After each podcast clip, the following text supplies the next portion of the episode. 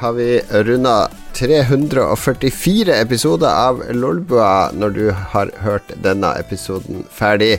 Vi har faktisk snart spilt inn like mange episoder som det er dager i et gjennomsnittlig år eh, her i Lolbua. Og det er uh, sjekka Guinness rekordbok før vi starta, Lars. Det er verdensrekord. Det er verdensrekord, jeg er helt enig. Jeg har også sjekka det. Nest meste episode, det er strikkepodkasten vår Nemesis strikkepodkasten. Men jeg har ringt Guinness rekordbok. Jeg vet ikke hva Før så har jeg inntrykk av at Guinness rekordbok eh, Hvis du sa jeg har en verdensrekord, jeg, jeg klarer noe som ingen andre klarer, eller jeg klarer noe bedre enn alle andre, så sendte de en sånn offisiell Guinness rekordbokdommer eh, til ditt land og hjem til deg. Og så var han ute og observerte. Ok, få se hvor, hvor uh, langt du klarer å hoppe, eller hvor lange negler du har, og sånn. Målet Alt ble liksom Det var offisiell dommere dommer som målte og gjorde sånn Ja, dette stemmer. Dette er faktisk det lengste jeg har målt i mitt liv. Jeg tror jeg, mulig de hadde én dommer for hver sånn ting. Én dommer for lengste hår, én dommer for negler, og alle disse fløy på kryss og tvers i hele verden for å sjekke rekordene. Akkurat som Michelin-folk som sjekker restauranter, liksom. Ja, det der har jeg lurt på om det er Om de faktisk er å spise på alle de stedene, eller om de bare ringer til kompiser 'Har du spist der? Ja, var det bra? Skal de få en stjerne?' eller noe sånt. Jeg tror det er det. Jeg, jeg, tror kanskje det er litt slurv her. Mm. Kanskje det, drømmen er jo å være han Michelin-duden i Norge og sånn, som kan fære rundt og bare spise seg mett. Det har vært kult. Ja, men, ja, men fins han? Eller ringer de bare til lokale restaurantanmeldere og spør? De sjekker TripAdvisor, tror jeg. Ja, TripAdvisor. Jeg leste en gang en bok Nå glemmer vi å introdusere Philip her. Jeg sitter og klør. Philip, velkommen. Ja, ja, tusen takk, tusen takk. Jeg tenker Det må jo være drømmejobben. Jeg tror det er nesten kulere overfor Guinness å bare bo i Oslo og så bare reise verden rundt for å måle hårlengder på forskjellige folk som claimer at de har kjempelangt hår. Ja. Grunnen til Størst samling sæd, tror dere det fins? det, det, jeg, jeg, vet ikke om det er en offisiell rekord, men det er nok noen som samler på det, vil jeg tro. Flytende sæd, tørr sæd i sokk. Du måtte rett dit, måtte rett dit, Lars. Grunnen til at jeg tenkte på at det var litt sånn juks det, Jeg husker for 20 år siden så Lonely Planet var jo sånn populær eh, brand med sånne reisebøker for uh, ungdom. Mm. Eh, disse barene må du besøke, her må du spise og sånn. Og så leste jeg en av de som hadde vært med og skrevet en, en bok fra et land der. Eh, at eh, han fikk ingenting betalt. De betalte reise, altså det billigste hotellet i byen. Og så hadde han Han fikk ingen budsjett for å dra og spise og sjekke ut disse stedene heller. For de sa nei, nei, bare snakk med folk som bor der, og så finner du ut hva som er kult, og hva som er bra. Og så later du Skriver du sånn at du later som du har spist der. Så da, da mister jeg all respekt for sånne reise, reiseskildringer og reisejournalistikk. Ja. Når jeg var rundt i Sør-Amerika, så titta vi mye liksom sånn etter hva, hvilke hosteller og sånn som var anbefalt. Og der fant vi også etter hvert ut at det var jo på en måte bare å kjøpe seg inn på en liste, og gjerne litt sånn topplasseringer, og så liksom fikk du, fikk du, trafikk, da. Så ja, ja, men ja. ja. Det er jo den beste metoden å få folk til å betale for å få bra rating i Lonely Planet. Det er jo der du tjener penger, tenker jeg. Mm. Tror du hostellbransjen, at det var en tilbakegang der etter Eli Roth-filmen Hostel? Kom, der de som bodde på hostell, ble grotesk torturert. Jeg har bodd på hostell rundt omkring i Europa, og det er jo faktisk sånn. Minus tortur, da. Det er jo helt jævlig. Det er det. Ja, det er skjettent, det er folk som ligger og fjerter, det er sånn 20 stykk på samme rom. Noen skal ha sex, noen er full, noen snorker. Høres ut som hjemme hos deg en gjennomsnittlig fredag, det, Lars, når det ikke er korona. Ja, det, jeg kjører jo hostell. Harstad-hostell ja, Stell Heggen. mm, torturerer folk òg. Det er jo gøy. Det er ganske ålreite opplevelser med, med, hosteller, for det aller meste, i hvert fall. Det var noen ganger hvor det kunne vært ålreit å ha aircondition, men uh, sånn generelt sett så har jeg ikke blitt voldtatt eller rana eller noe sånt nå. Jeg har jeg ikke vært i Harstad ennå. Selv om du har lagt deg, lagt deg naken med sånn rumpa ut av lakenet og sånn 'Ingen må voldta meg i kveld, altså. Nå skal jeg sove.' Skilt, skilt ved senga. No rape, please. Jeg har én ja. historie fra Cusco hvor det var på et tidspunkt sånn halv tolv på kvelden, ganske tidlig, hvor jeg ikke husker noen ting mer. på grunn av uh, Det kosta 50 kroner å komme inn på et utested, og det inkluderte én liter Cuba Libre i den femtelappen, så det gikk ganske unna. Uh, jeg våkna opp i hostellsenga mi dagen etter med alle tingene mine og alt mulig, så ja, ja, ja. Jeg har naiv tro på at alle mennesker er snille, så det går fint. Jeg vil høre hva, ja. hvordan Mats sine hostellerfaringer For han går jo, selv når han er hjemme, så går jo inn i andre hus og stjeler jakke og sånne ting. Så på hostell så må du jo All bets are off. det er fordi Mats klarer ikke å skille Escape from Tarkov fra virkeligheten, så han driver og skal rundt og lute hele tida for å finne ting han kan selge på flea market. Ja. Dessverre. Skade av spill. Ja, nei, vi får snakke om hva vi har gjort i det siste. Vi har i hvert fall ikke bodd på noe hostell i det siste, noen av oss. Uh, men du er på reisefot, uh, Lars? Ja, jeg fløy til uh, Kautokeino ved hjelp av Widerøe. For opp, var veldig få passasjerer. Er det sånn lite, lite sånn blikkboksfly med to propeller som rister masse når det er turbulens? Mm. Ja.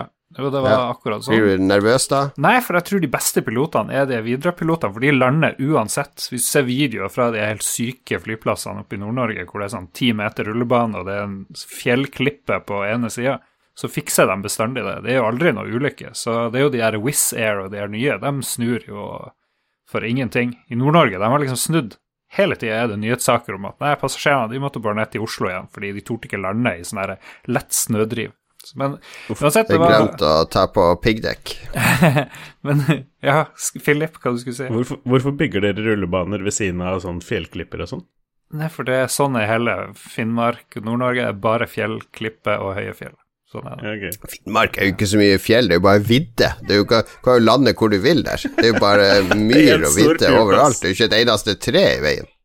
Det spørs hvor du er, da. I Finnmark så er det jo lite fjell uh, inne på vidda. Men opp til Tromsø så var det nesten ingen passasjerer, og så var det plutselig stappa flyet fra Tromsø til Alta som jeg måtte fære til, og så kjøre videre.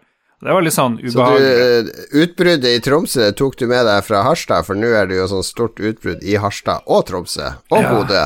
Ja, jeg driver og var ute i kulda ganske lenge i går, og jeg er litt sånn her halvuggen i dag, så jeg er litt sånn hm, ok. Oh, tenk hvis Lars kan... er Finnmarks Patient Zero.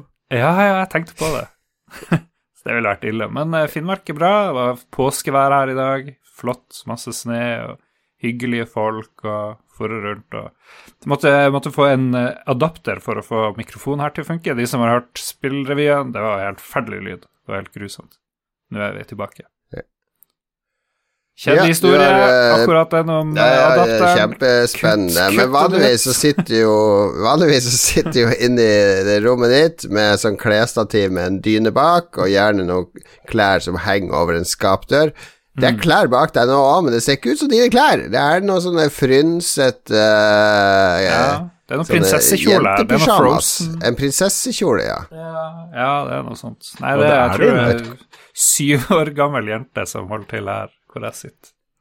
Så det er koselig. Du har fått låne et barnerom for yep. anledningen. Yes, sir. Jeg sitter i en barnestol. Så, uh, din kjæreste, når du endelig kommer på besøk, så skal du sitte og jazze med gutta inne på uh, rommet til dattera hennes, i stedet for å yep. gi henne en god fotmassasje etter en lang dag på jobb, når hun kan nyte et glass vin og litt, uh, en romantisk serie. Stemmer det. Jeg sier 'gå på kjøkkenet, lag meg mat, jeg skal spille podkast'. det har du aldri sagt til henne.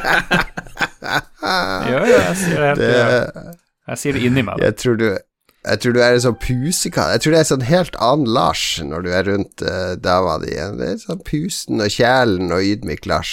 Ja, jeg tror nok du er, du er litt som meg, Lars. Jeg, jeg lufta tanken her om dagen om at kanskje liksom en nytt sånn kjøkkenredskap, sånn mixmaster, litt sånn kanskje en fancy en kunne vært en litt sånn kul bursdagspresang, kanskje, eller noe sånt nå. Og ja. da fikk jeg et blikk som liksom Det er ikke noe bursdagspresang til meg, det. Det er til oss, eventuelt. Jeg er inspirert av Jon Cato, da, som ja, jeg har jo lært. Ja, ja, nei, jeg har kustus, så bare spør, spør meg hvis dere lurer på noe. Ja, hun spurte om jeg hadde erfaring med brødbakemaskin i dag. Så sa jeg nei, men det kan du få i julegave hvis du vil. Og det det var ikke sånn hurrarop, det var det ikke. eh, Kautokeino heter det. Er det noen relasjon med bandet Keiino? Eh, ja, det tror jeg. Det, jeg tror Kautokeino er oppkalt etter bandet Keiino. Tror det var sånn det fungerte. Det er det. Er det bare Ja, ok. Ja, jeg er bare nysgjerrig. Du driver jo og lærer det. Blir det samedrakt på Spillrevyen på, på torsdag, da vi skal kle oss til fest? Ja, god idé. Jeg har jo med meg dress og slips, men uh, kanskje jeg skal prøve å få med noe sånn samisk greier. Jeg vet ikke hvor godt det blir mottatt, men jeg skal lodde stemninga. Ja, for jeg, jeg tenk, Det er litt sånn fallitterklæring på spillprisen i år. Det er to sånne halvgamle uh, hvite menn som skal sitte og dele ut priser. Altså Det hjelper hvis du har på deg samme drakt. Da blir det litt mer sånn mangfold i prisutdeling. Ja, du burde jo få deg kvendrakt. Det fins sikkert. Ja, men Kvendrakt det er jo bare sånn vannmelssekk som du kler over det. Det er jo det er uh, No offense hvis det er noen som er veldig brennende for den kvendrakt, men den ser jo ikke ut i måneskinn. Det er en hvit jakke uten noe mønster på, en svart vadmelsbukse, og så er det en kniv i beltet, og that's it. Du kan remikse den. Du kan lage en kul kvendrakt. Skal jeg vurdere å kjøpe den? Nei, for da kommer de der tradisjons... Det er bunadsgeriljaen, kvenbunadsgeriljaen med sånn hissig leserinnlegg. Ja. Filip, eh, har du noe sånn etnisk uh, klesplagg? Ja, Eller colombiansk ja. nasjonalplagg, har du noe sånt? Ja, når jeg ble importert til Norge, så fulgte det med ponchoer i forskjellige størrelser, så jeg hadde noe å vokse i. Eh, så de, de har jeg selvfølgelig. Poncho og ti kilo kokain, det var jo det som fulgte med. Ja, det er en klisjé, Lars. Ja, ja, husker David Letterman måtte unnskylde seg når han tulla med at Miss Colombia og, og kokain og sånn. Så han måtte ydmykt be om unnskyldning til ja. det colombianske folk. Jeg unnskylder med en gang til det ja, colombianske folk. Praktisk talt Letterman. Um, uh, ja, nei, jeg har jo søkt om å få lov til å søkt UDI om å få lov til å bruke bunad, for jeg syns det er ganske fint. Jeg har fortsatt ikke fått gjennom den, men uh, kanskje en dag. Det hadde vært ålreit. Ja, du hadde kledd bunad, Philip. Ja, jeg tror faktisk det. Altså, nå er jeg, er jo mossing, jeg er jo fra Østfold. Jeg tror en Østfold-bunad hadde egentlig sett litt ålreit ut, jeg, på en litt mørkere gutt. Mm. Mm. Har du noe annet å dele, Philip? Ja, nei, jeg, I forrige episode så var det jo mye fokus på at Jon Cato har vært på sjukehus. Det er godt å ha deg tilbake, og i både øregangene våre og på skjermene våre, holdt jeg på å si. Takk for det. takk for det. Uh, jeg tok over litt den stafettpinnen når, når, du kom hjem. Jeg fikk lang historie kort, utrolig plutselig, utrolig intense hodesmerter. Uh, det var absolutt helt jævlig. Jeg på fire dager var jeg på legevakta to ganger og på Ullevål sjukehus én gang. Og så var jeg hos fastlege nå. Jeg har fått masse drugs som gjør at jeg holder det i sjakk. Men hmm. ja, det er litt, er litt merkelige tider. De har ikke funnet ut hvorfor det skjer. Forhåpentligvis så bare går det over av seg selv, men i tilfelle det ikke gjør det, så de har sendt meg Eller jeg venter på innkalling til noen full nevrologisk undersøkelse hvor de skal sjekke hva som potensielt kan være gærent med, med huet mitt, som gjør at Ja, det kommer ja. en gang. Jo, vi snakka, vi nevnte jo det i forrige sending, at nå var det du som var døden nær. Det er, ja. jo, det er jo noe som går her i, i Rollbua. det er ikke det at du idoliserer meg så mye at du, 'Å, Jon Cato har vært på sjukehus, da må jeg, jeg må gjøre sånn som mitt store idol'. Jo, det er litt sånn her Flavor of the Month-aktig type greie. Det er sånn 'Å, å se så mange likes han fikk'. Oh. Ja, nei, jeg vet ikke. Nei, det går seg nok helt sikkert til. Uh, Men det beskriver ja. hodesmertene. Hvordan utarter de seg? Ja, det, det, dukker opp på akkurat samme sted hver gang. Hvis du som hører på nå, tar, og, uh, tar, uh, tar hånda di bak i hodet, så kjenner du i nakken din, der hvor nakken og hodet liksom møtes, akkurat der, så kommer det så, så pulserer det sånn intense smerter. Ikke utover i hodet, men akkurat bare der. Uh, ja, det som gjør det skikkelig, skikkelig vondt, enkelt og greit. Uh, men ja. Det er ikke senskade fra du krasja på uh, sparkesykkel i fjor? jo, det er flere, flere, teorier om hva dette kan være senskader av. Men jeg har tatt vanlig sete og sete med kontrast. Ja. Har dere gjort det før? Tatt sete med kontrast? Ja, pumper sånn her eh, stoff inn i blodet. Ja, og så smaker det metallisk i munnen, og så føler det seg som du tisser på deg. Mm. Veldig spesielt. Nei, jeg tror ikke jeg Men jeg har, fått, jeg, har fått sånn, jeg har fått sånn utredning av urinveiene. Da tror jeg de kjørte sånn der kontrastgreier. Herregud, nå blir det sånn gamlisbua her, herregud. Vi trenger ikke å Ja, altså synet, altså hører jeg ikke så Bare godt sitte og prate om plagene sine. Men har, har legene de sa, bedt deg om å gjøre noen sånne livsstilsendringer for å se om det er noen forskjell? Mindre skjermtid, bedre pute, eller noe sånt? Uh, nei, egentlig ikke. Eh, jeg kan jo selvfølgelig ha godt av å gå ned noen kilo, men det er mer på sånn generell basis. Eh, jeg, tror jeg gjør ikke noe gærent. Jeg røyker såpass lite at det skal ikke ha noe, noe innvirkning. Jeg, jeg sitter mye foran skjerm, selvfølgelig, men eh, ja, nei, jeg vet ikke. Og så det Var sånn du ærlig når de spurte hvor mye du sitter foran skjerm? Sa du ja, jeg er sånn fire-fem timer, eller sa du sannheten? En 12-13 timer av dagen? Nei, jeg er veldig ærlig med, i møte med medisinsk personell i, i, når det kommer til hva jeg bruker tid på, og hva jeg inntar i kroppen min, osv. Uh, fordi ja, jeg, hvis de skal hjelpe meg, så må de nesten vite, vite alt. Og igjen, selvfølgelig er det litt kjedelig når jeg ikke har noe familiær medisinsk historie, for det er jo alltid litt Nei, hjelpsomt. sant. Ja, ikke sant? Sånn som Dere har jo nevnt det her før, hvordan noen av deres eh, fedre og besteforeldre har litt sånn Ja, så Ja, ja, ja. Mhm. Jeg har ingen idé. Eh, selvfølgelig, når drugs har kicka inn og jeg lå på Ullevål sykehus, og den veldig søte nevrologen spurte sånn Ja, hva nei, tror du? Og så sa jeg jo nei, Pablo Escobar er jo høyst sannsynligvis faren min, og så skjønte hun ikke at jeg tulla etter sånn Ah. 20 sekunder. Det, det var litt hyggelig. Men, ja. Eh, men Har du, har du vurdert eh, å melde deg på Tore på sporet, sånn at han Tore Strømøy kan lokalisere familien din, og så blir det sånn tårevått eh, gjensyn? Jeg har vurdert vurdert siden sesong én. Har ikke, har ikke fått ut fingeren ennå, men så fort det blir annonsert, så håper jeg at dere melder meg på. Ja. Uh, heldigvis Ja, vi- så har jo tidenes uh, medisin dukka opp uh, her um, i spillform. Dette er jo en spillpodkast, tross alt. Um, Ja. Og det, var- det var den der PlayStation eller Sony State of Play-greia her i forrige uke. Så dere på det i det hele tatt, eller? Nei. Så er det oppsummering som sa det var eh, Snorfest de luxe. Jeg, jeg, jeg så, det ikke, så det ikke heller. Jeg synes ja, jeg tenkte ikke at det, at det var, var all verden. Jeg har ikke PlayStation 5, så jeg skjønner ikke hvorfor jeg skal se på det.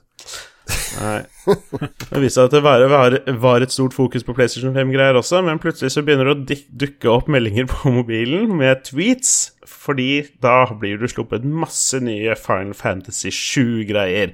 Og for uh, potensielt nye lyttere så har jeg et ganske godt forhold til Final Fantasy 7. Um, og ja, nå kommer det et, egentlig tre nye Final Fantasy 7-prosjekter, så det er ikke noe tvil om at Sony Tre? Eh, ja, Sony har i hvert fall forstått at de har en skikkelig gullgås her, og den skal klemmes for eh, alle de kroner de klarer. Ja, hva det kommer? Tre Jeg så det var noen sånn her, eh, en sånn retroversjon av Final Fantasy 7 skulle komme. Hva det, stemmer det?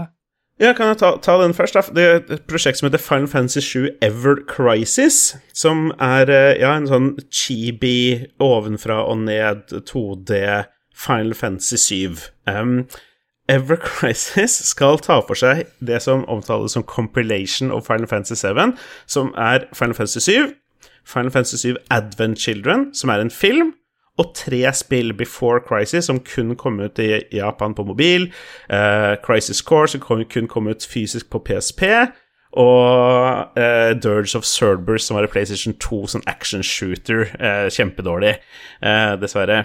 Eh, Alt det der var jo ræva. Alle de der undergreiene har jo vært ræva. Yeah, Crisis Core var faktisk ganske kult, men det kom kun ut på PSP i fysisk form. Aldri vært på PSN, så det er liksom Det er faktisk ikke så mange som har spilt det. Men du Service spesifikt var kjempedårlig. Og denne filmen, Advent Children, Jesus Christ, jeg husker jeg kjøpte den på DVD, import fra USA.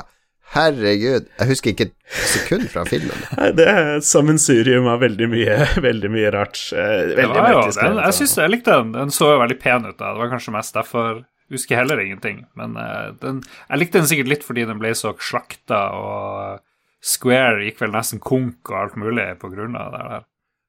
Det skulle ha gått konk, det hadde de fortjent for å gi det til. Jesus. Harsh. Harsh. Ja, jeg koste meg med masse med den. Det er jo skikkelig For en uh, Final Fantasy 7-purist-fan som meg, så er det veldig opp, eller opp til gata. Men det Final Fantasy 7 Ever Crisis skal da gjøre, er å ta alle disse spillene, fem spillene, inkludert Final Fantasy 7-originalen og Advent Children-filmen, og gi det ut på nytt igjen i en sånn mobilspill, ja, ovenfra ned 2D Chibi-figurer-utgave. Eh, alt er, skal være en typisk rolle, eh, RPG, eh, turn-based combat, som original Final Fantasy 7. Uh, og alt skal gis ut i kapitler. Um, Å, gud. Kapitler og mobil. Jesus Christ.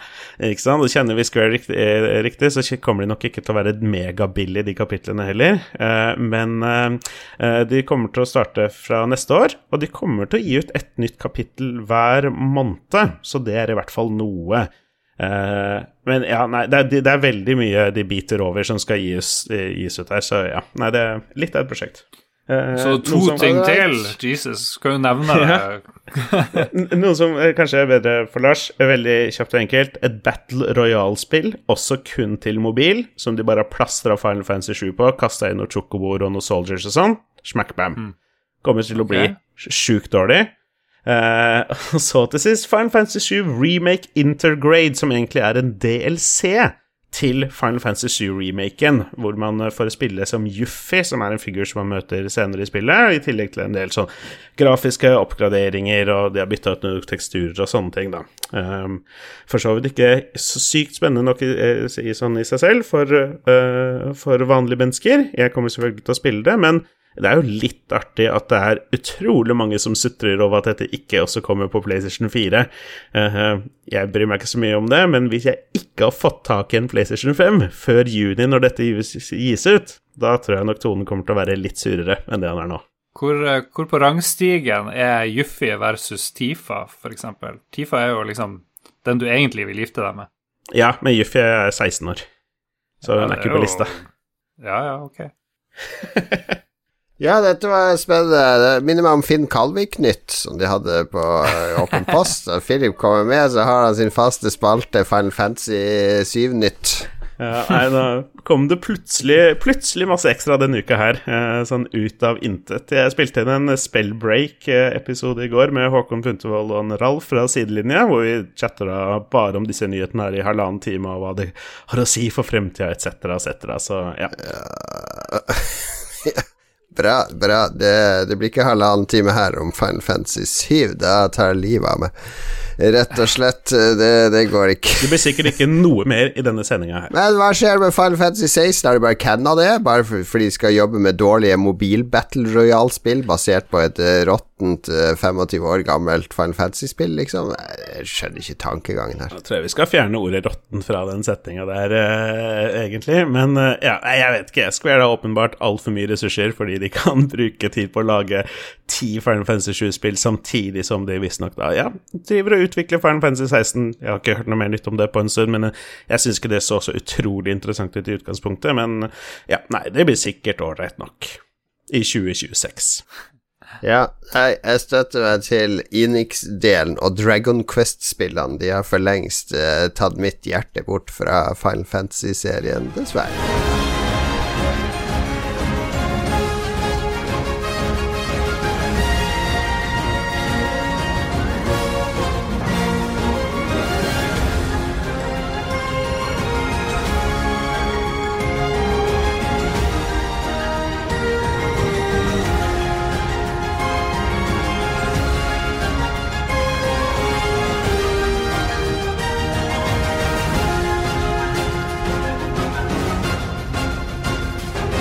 Kan vel uh, Ja, vært vinterferie i Oslo siste uka, og så har jo smitten økt veldig, så nå er vi jo i sånn her uh, antagelig sånn her to måneders lockdown av London, eh, engelsk virus og sørafrikansk virus og whatnot. Um, og ordførere fra Molde som, uh, som skal synes utrolig lav terskel for å synse og få meningene si fram og skape debatt. Bare se på det Tix-pannebåndet, og nå er en eller annen idiot i Molde. Så jeg, jeg syns det offentlige ordskiftet er fullt av folk som tror de har noe fornuftig å melde. Folk må ha selvinnsikt. Ikke sitt der oppe i Molde og, og, og drive og uttale deg som en ekspert på hvordan ting er i Oslo, hvordan ting blir håndtert i Oslo. Jeg hørte han på radioen i morges, debatten med han og Robert Slede. Det var så flaut å høre en gammel mann ødelegger alt han har bygd opp av sitt renommé gjennom karrieren. Det raser ned nå. Alle ler av han ordføreren i, i Molde. Er, trist. Han har sterk støtte nord for Sinsenkrysset, vet du. Det jeg skulle, til å si, skulle til å si det er ikke så overraskende. Jeg føler jeg sitter, sitter og hører Lars gjøre det nøyaktig det samme hver uke her i Lolbua. ja, Søringa. Dumme Oslo. Lars kan feie for sin egen dør med, med en 5 av byen sin i karantene, så uh, Ja, vi sliter, er ganske heftig. Men det er jo fordi hvem er det som har kommet oppover og ødelagt alt? Det er søringer. Eventuelt en harstadværing som har vært sørpå og kommet opp. Det, da ja, det, det, det som har skjedd i Molde òg. Det har vært to i Molde på jobbreise i Oslo. De har sikkert brutt alle Hva faen, vi skal ikke gå med dere munnbind! Herregud, se, alle går med munnbind! Og så kommer de hjem til Molde og hoster og harker og har fått korona. Det det, det, går ikke. Det går ikke, rett og slett. Alle skal innom Oslo, og det går utover oss hele tida. Så slutt å dra til Oslo, rett og slett. Hold ja. dere hjemme. Apropos lav terskel for å komme ut med meningene sine. Vi kaster vel sterke steiner i glasshus her, uh, føler jeg, i Lolbua. Det her er det jo sterke meninger om alt, hele tida. det er det, men vi dytter ikke disse meningene på noen. Folk velger sjøl å høre på det her. Eh, det ikke, vi, vi, blir ikke løfta opp og frem i NRK og morgennyheter og forsida på VG fordi at vi, eh, vi sier det vi gjør. Og vi har rett, ikke minst. Ja, vi har rett, og så Det er derfor vi aldri blir løfta opp og frem, for det er ingen motargumenter mot det vi sier. Vi har alltid rett. Men ja, nok om han ordføreren i Molde. Jeg, jeg, jeg er så lei av koronating og sånne ting at jeg blir bare ekstra lei når det kommer inn en sånn der eh, liksom-ekspert fra utsida og skal si hva, hva man har gjort feil, og hva jeg har gjort feil som innbygger i Oslo. Jeg blir rett og slett provosert. Mm. Men jeg har vært på eh, hytta i vinterferien, da, eh, sammen med min svigersøster og hennes familie. Eh, vi var ti stykker akkurat, så det var innafor, og alle vi er jo Ja. Vi, vi, er ikke Vi driver ikke og fester på kryss og tvers og møter folk, så vi fulgte alle regler og var på hytta i fire-fem dager nesten.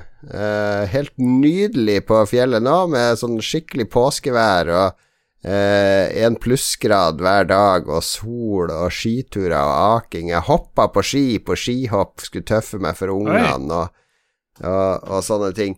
Så jeg gjorde alt man gjør på en hytte, og det var Tenkte på det, fordi når vi dro opp, så var det jo ikke sånn her eh, krise med smittetallene, men mens vi var der oppe, så var det sånn Ok, nå er det en ny rekord i Oslo på fredag. Nå er det krisemøte på søndag. Nå kommer alt til å stenge og låses. Så jeg tenkte på det lørdagskvelden når vi satt og spilte Besserwisser og drakk litt vin, og barna var i seng, at eh, det her er antagelig siste sånn sosiale omgang jeg får ha utenfor uh, uh, min, min, familie, da, hjemme hos meg. Uh, på, før påske, kanskje heldig at vi får lov å møtes igjen til påske, eller noe sånt, så det var veldig sånn mm. lykkefølelse over å kunne være sammen og spise og drikke sammen og kose seg og leke med barna på kryss og tvers. Og samtidig litt sånn der eh, trist at det føles som du var ute på sånn der eh, prøvetid fra fengsel, eller at du hadde fått litt sånn eh, fire dager permisjon fra fengsel, og nå skulle jeg tilbake inn, inn bak lås og slå igjen. Du nevnte skihopping. Er det sånn at uh, nu, Min teori er at siden du har vært litt på sykehus, vært litt i dårlig form, så må du bevise for dine barn at uh, pappa er sterk og klar, må hoppe litt på ski. Du gikk sikkert på taket for å vise deg frem, sto på én fot, og sånn videre. Jeg brukte din far å gjøre sånt? Nei, nei, jeg gjør ikke det. det er ikke vanlig fareoppførsel, men det er vanlig for fedre. Man skal jo tøffe seg litt for barna. Man skal, når barna ikke klarer å åpne syltetøyglasset, så skal du liksom klare å åpne det med bare to fingre. Å, hvor sterk pappa er, og sånn. Sånn, eh, sånn må man jo gjøre, ikke sant. Det, det er jeg enig i. Så jeg måtte jo det var ingen av de som torde å hoppe på det der lille skihoppet som var laga i akebakke, så jeg måtte si er det ikke farlig, så jeg trampa opp med skia og satt utfor og landa på magen, selvfølgelig. Men uh, der løsna Jeg var korka ute. Da for ungene opp, da sto de i kø for å hoppe, hoppe sjøl.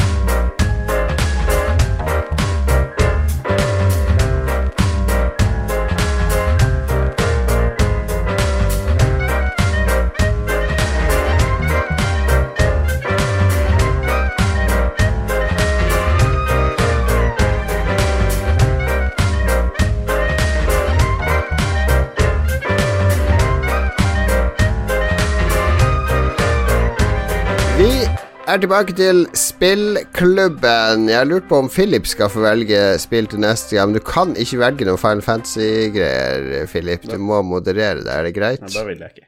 Nei, ok. Da, da får du ikke velge. Jo, det har vært en hyggelig utfordring. Bra. Eh, men spillet vi skal snakke om i dag, er eh, eh, ikke det du kommer til å velge etterpå, men spillet Ape Out, fra utgitt av Devolver Digital. Eh, et eh, top down eh, Hva skal vi si, sånn kvasi-3D. Det er sånn eh, top down-kamera der du beveger deg rundt i en eh, labyrint. Uh, som egentlig er todimensjonal, men det er liksom perspektivet er litt sånn 3D, med søyler og vegger og sånn som går forbi deg.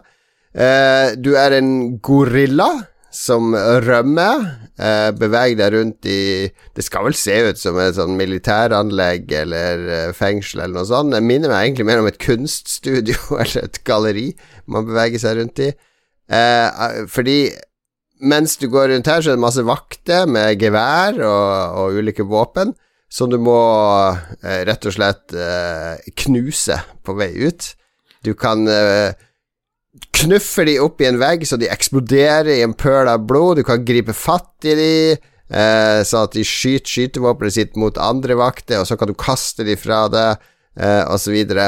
så eh, gradvis utover levelene så får du litt mer sånne abilities, eller moves, du kan gjøre, men hele tida så er det denne leken.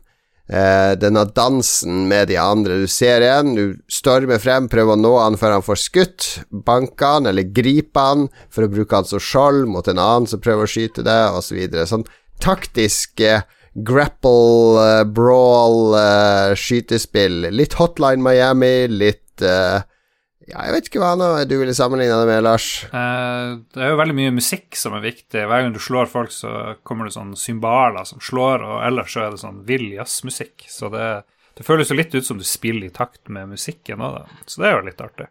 Jeg kan si det at det første jeg har på, eh, eh, på liste på notatblokka mi, er at det er veldig høylytt. For da skjønner ok, jeg er inne i en ting, klikker på venstretasten, og så bare Så var det fullt kjør med en gang. Ja. For det er, jo- det er jo en slags uh, En virtuell trommeslager som akkompagnerer det. Det er en som heter Matt Bock, eh, som står for musikken og har vært med og designa det. Uh, og det er liksom Musikken følger handlinga. Det er uh, impro-jazz til voldsballetten din, og det er voldelig, det her, altså. Ja, det er det. Jeg så en uh, Let's Play, eller en speedrun, på et tidspunkt verdens raskeste. Han for gjennom hele på 26 minutter, eller noe sånt. Han unng- unngikk slåssing, da, selvfølgelig. Så det, jeg tror det beste måten å komme gjennom spillet er faktisk å være litt pasifist. Men hvis folk kommer foran deg, så kan du skyve dem bort. Så kan de fære bort de andre, andre soldater eller forskere, eller hva det er, og så bare eksplodere de. Så enorm pøl av blod. Ja, fordi jeg så en video først, før jeg rakk å spille, spille liksom noen minutter sjøl. Og eh, det å gjøre det Jeg hadde den samme spillesiden hvor jeg prøvde å bare komme meg forbi. Jeg sloss ikke med mindre jeg måtte, på en måte. Jeg følte det var det som var på en måte gameplayet. Du skal bare løpe høyre, løpe høyre og så denge de som du må denge. Jo, nei, jeg, Da jeg spilte det, så prøvde jeg å slåss, men det, det funka ikke så jævlig bra. Men mm. da jeg liksom bare begynte å beine, så var det jo greit. Men du kommer til noen levels, eh, som kontorbygg, da kan du ikke bare springe mot høyre lenger. Da må du sirkle rundt og sånne greier. Ja, det, det utvikler seg bra, spillet. Det klarer å bringe variasjon i monotonien sin. Og jeg, jeg syns musikken er Altså, hvis man virkelig lytter eh, Jeg leste et intervju med han der Matt Bock. Det er liksom sånn at når du blir skutt, så stopper trommeslageren opp et par beats og spiller noe annet. Det tilpasser seg dramatikken hele tida.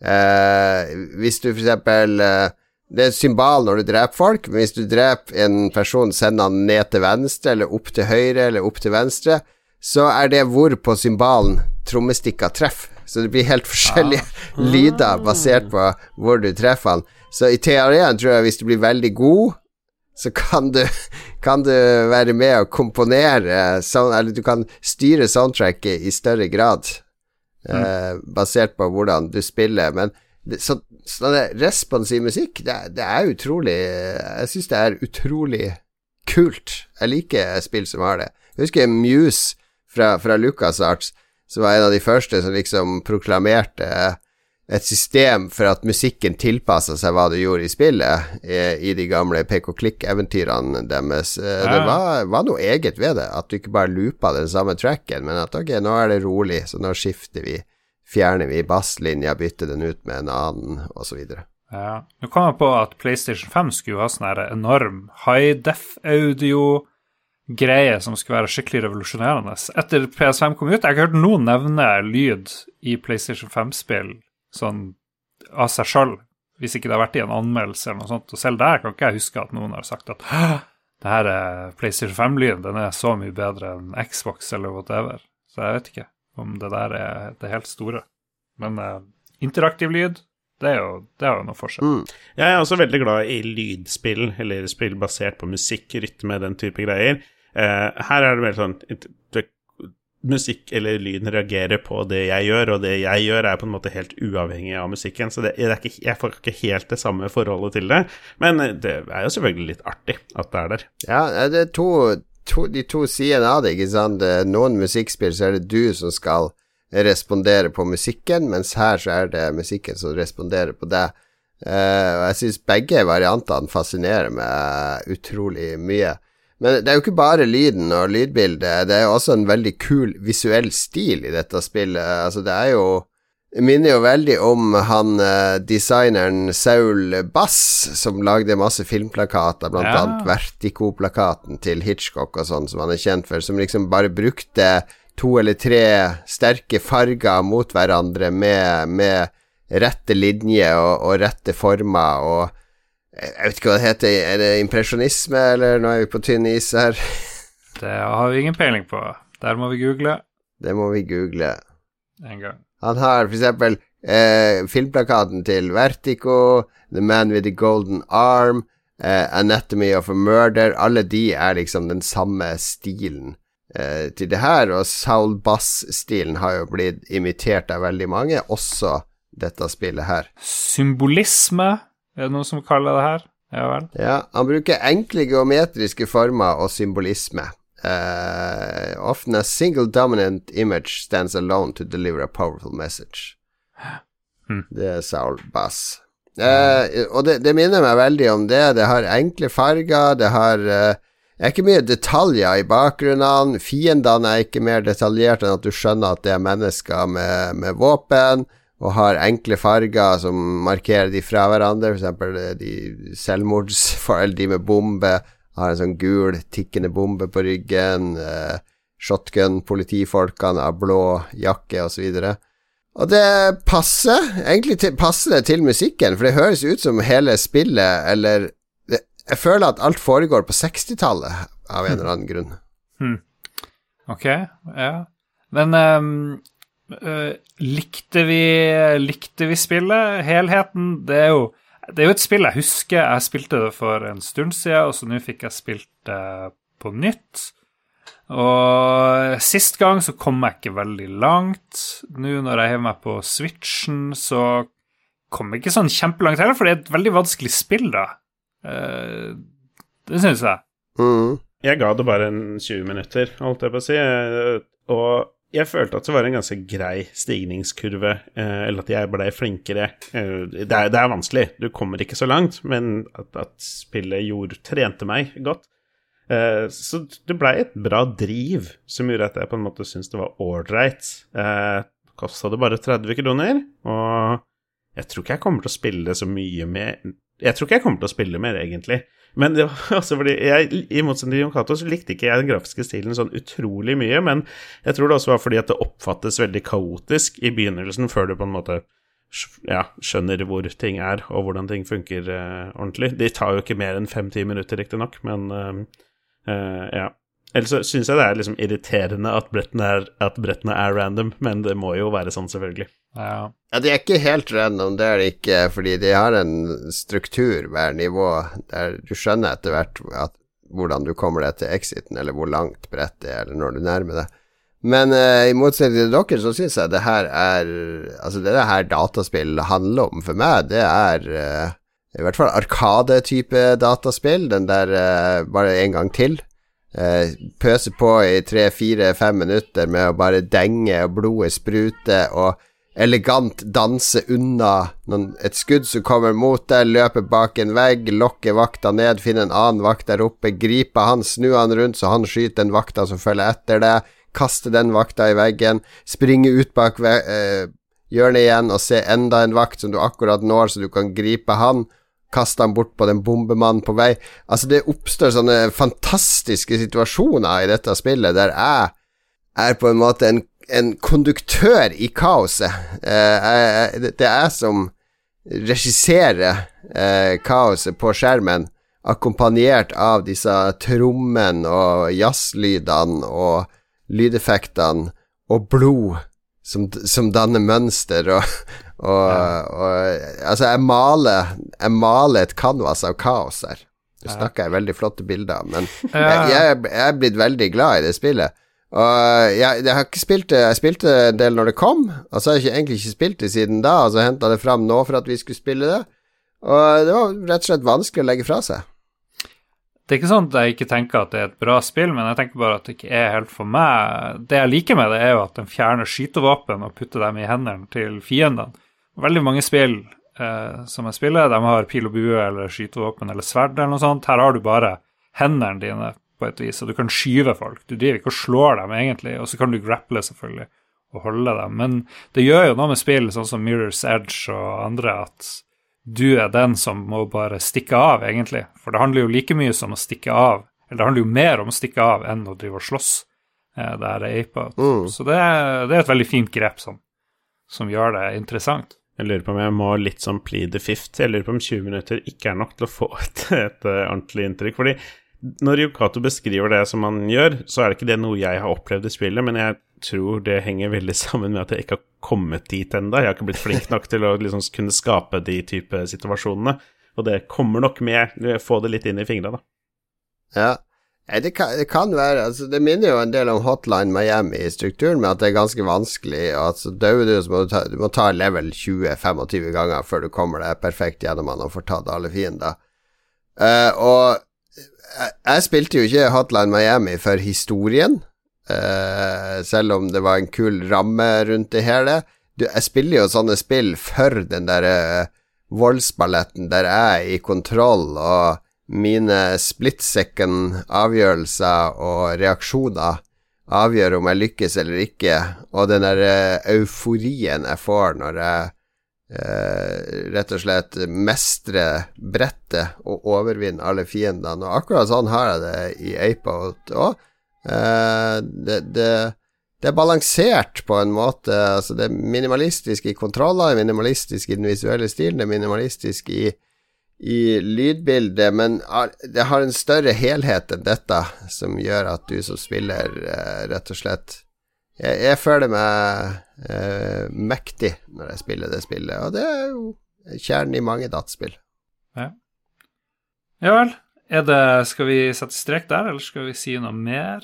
Vi har jo masse Vi har fått eh, noen innspill fra lyttere, så vi må ta med Sigbamse på vår discord. Sier følgende Fy søren! Apeout traff Jeg skal ikke tulle dialektene. Apeout eh, traff meg rett i hjerterota. Enkelt, men tilfredsstillende og pent. Musikken gjør det nærmest koselig å bare denge løs på mennesker som står i veien. Takk for initiativet til spillklubben. Har fått et par veldig gode opplevelser så langt jeg ikke hadde plukket opp utenom. Eh, og så har vi en som ikke er enig, nemlig Boysemannen. Ok, nå har jeg gitt det forsøk på forsøk, men om det er motion sickness eller hva det nå er, vet jeg ikke, men jeg blir noe kvalm når jeg spiller det.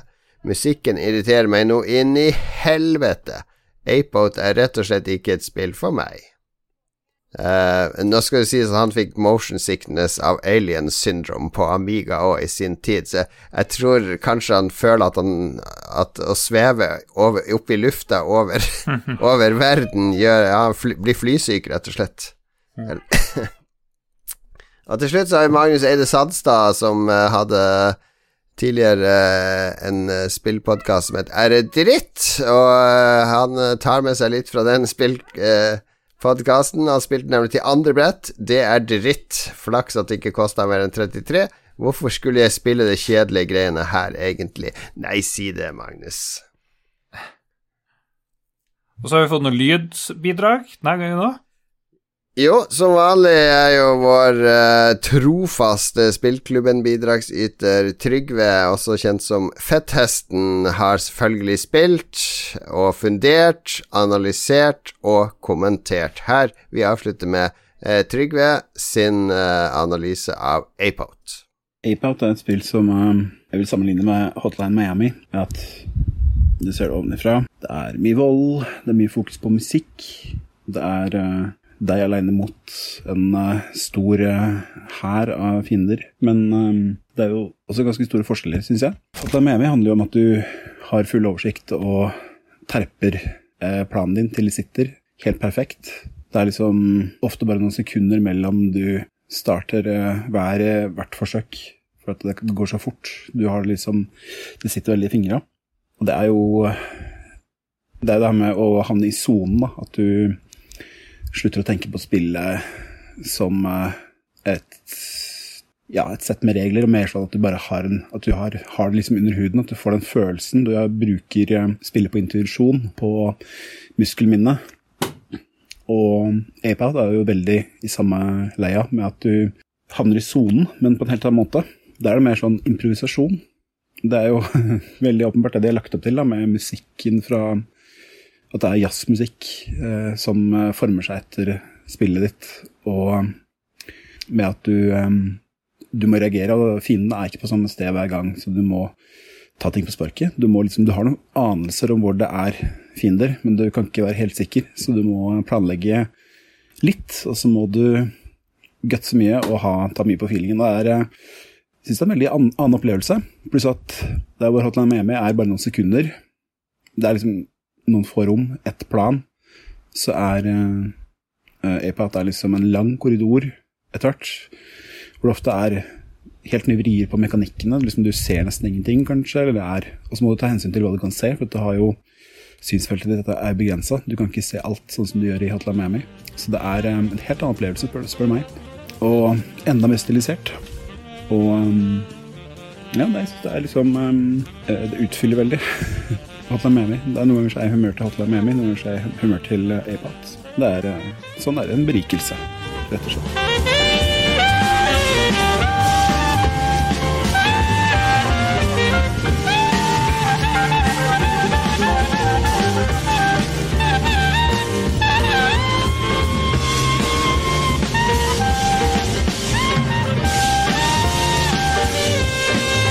Vi har ikke bare spilt Apout, vi har vel spilt andre ting siden sist, bortsett fra Lars med sin uh, svake håndledd.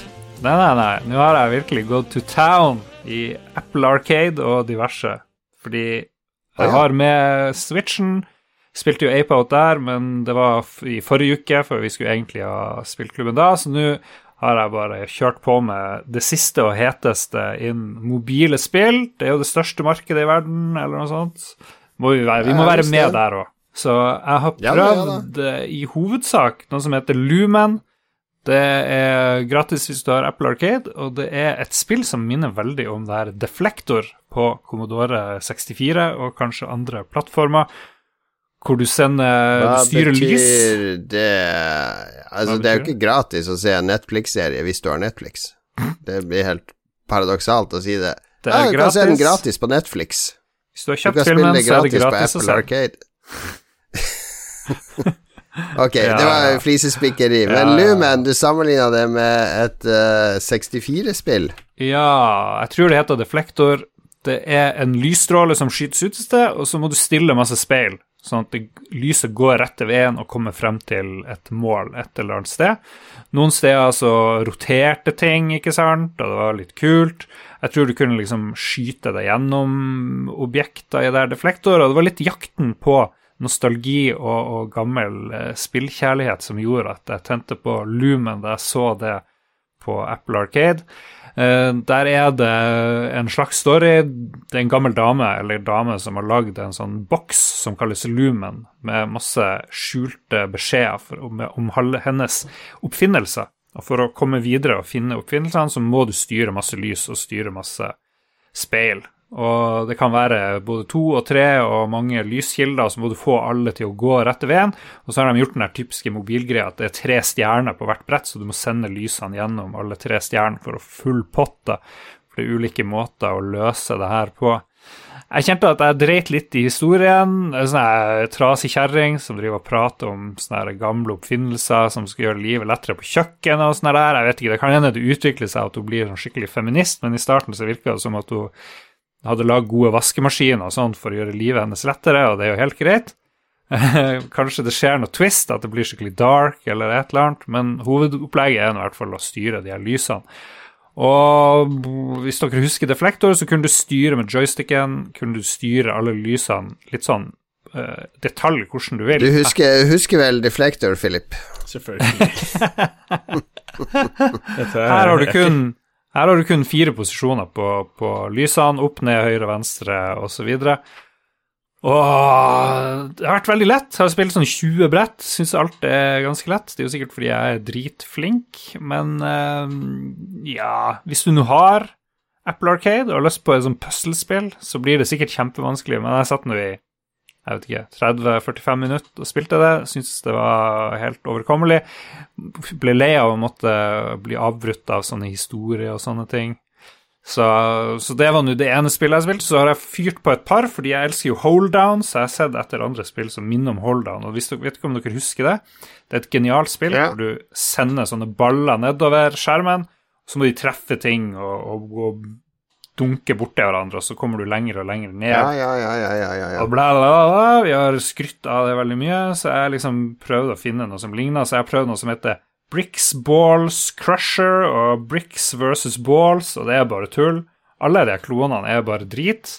Fins jo masse sånne der, uh, greier hvor det er brikker med tall på, og så må du treffe brikkene så og så mange ganger. Så hvis det er noen som har et bra sånt spill, som ikke er holdown, så er jeg veldig, setter jeg veldig pris på å få det, men det har jeg ikke funnet denne uka, da. Så ja. Nei. For en gangs skyld har jeg spilt noe, men jeg har ikke spilt noe sånn veldig bra, da. Så det, du kan ikke få i pose og sekk, folkens. Jeg har et, et, en spilleanbefaling til deg. Den er gratis på Pirate Bay. See what I did there? Nei, men ja. Lumen er uh, Det ser koselig ut, da.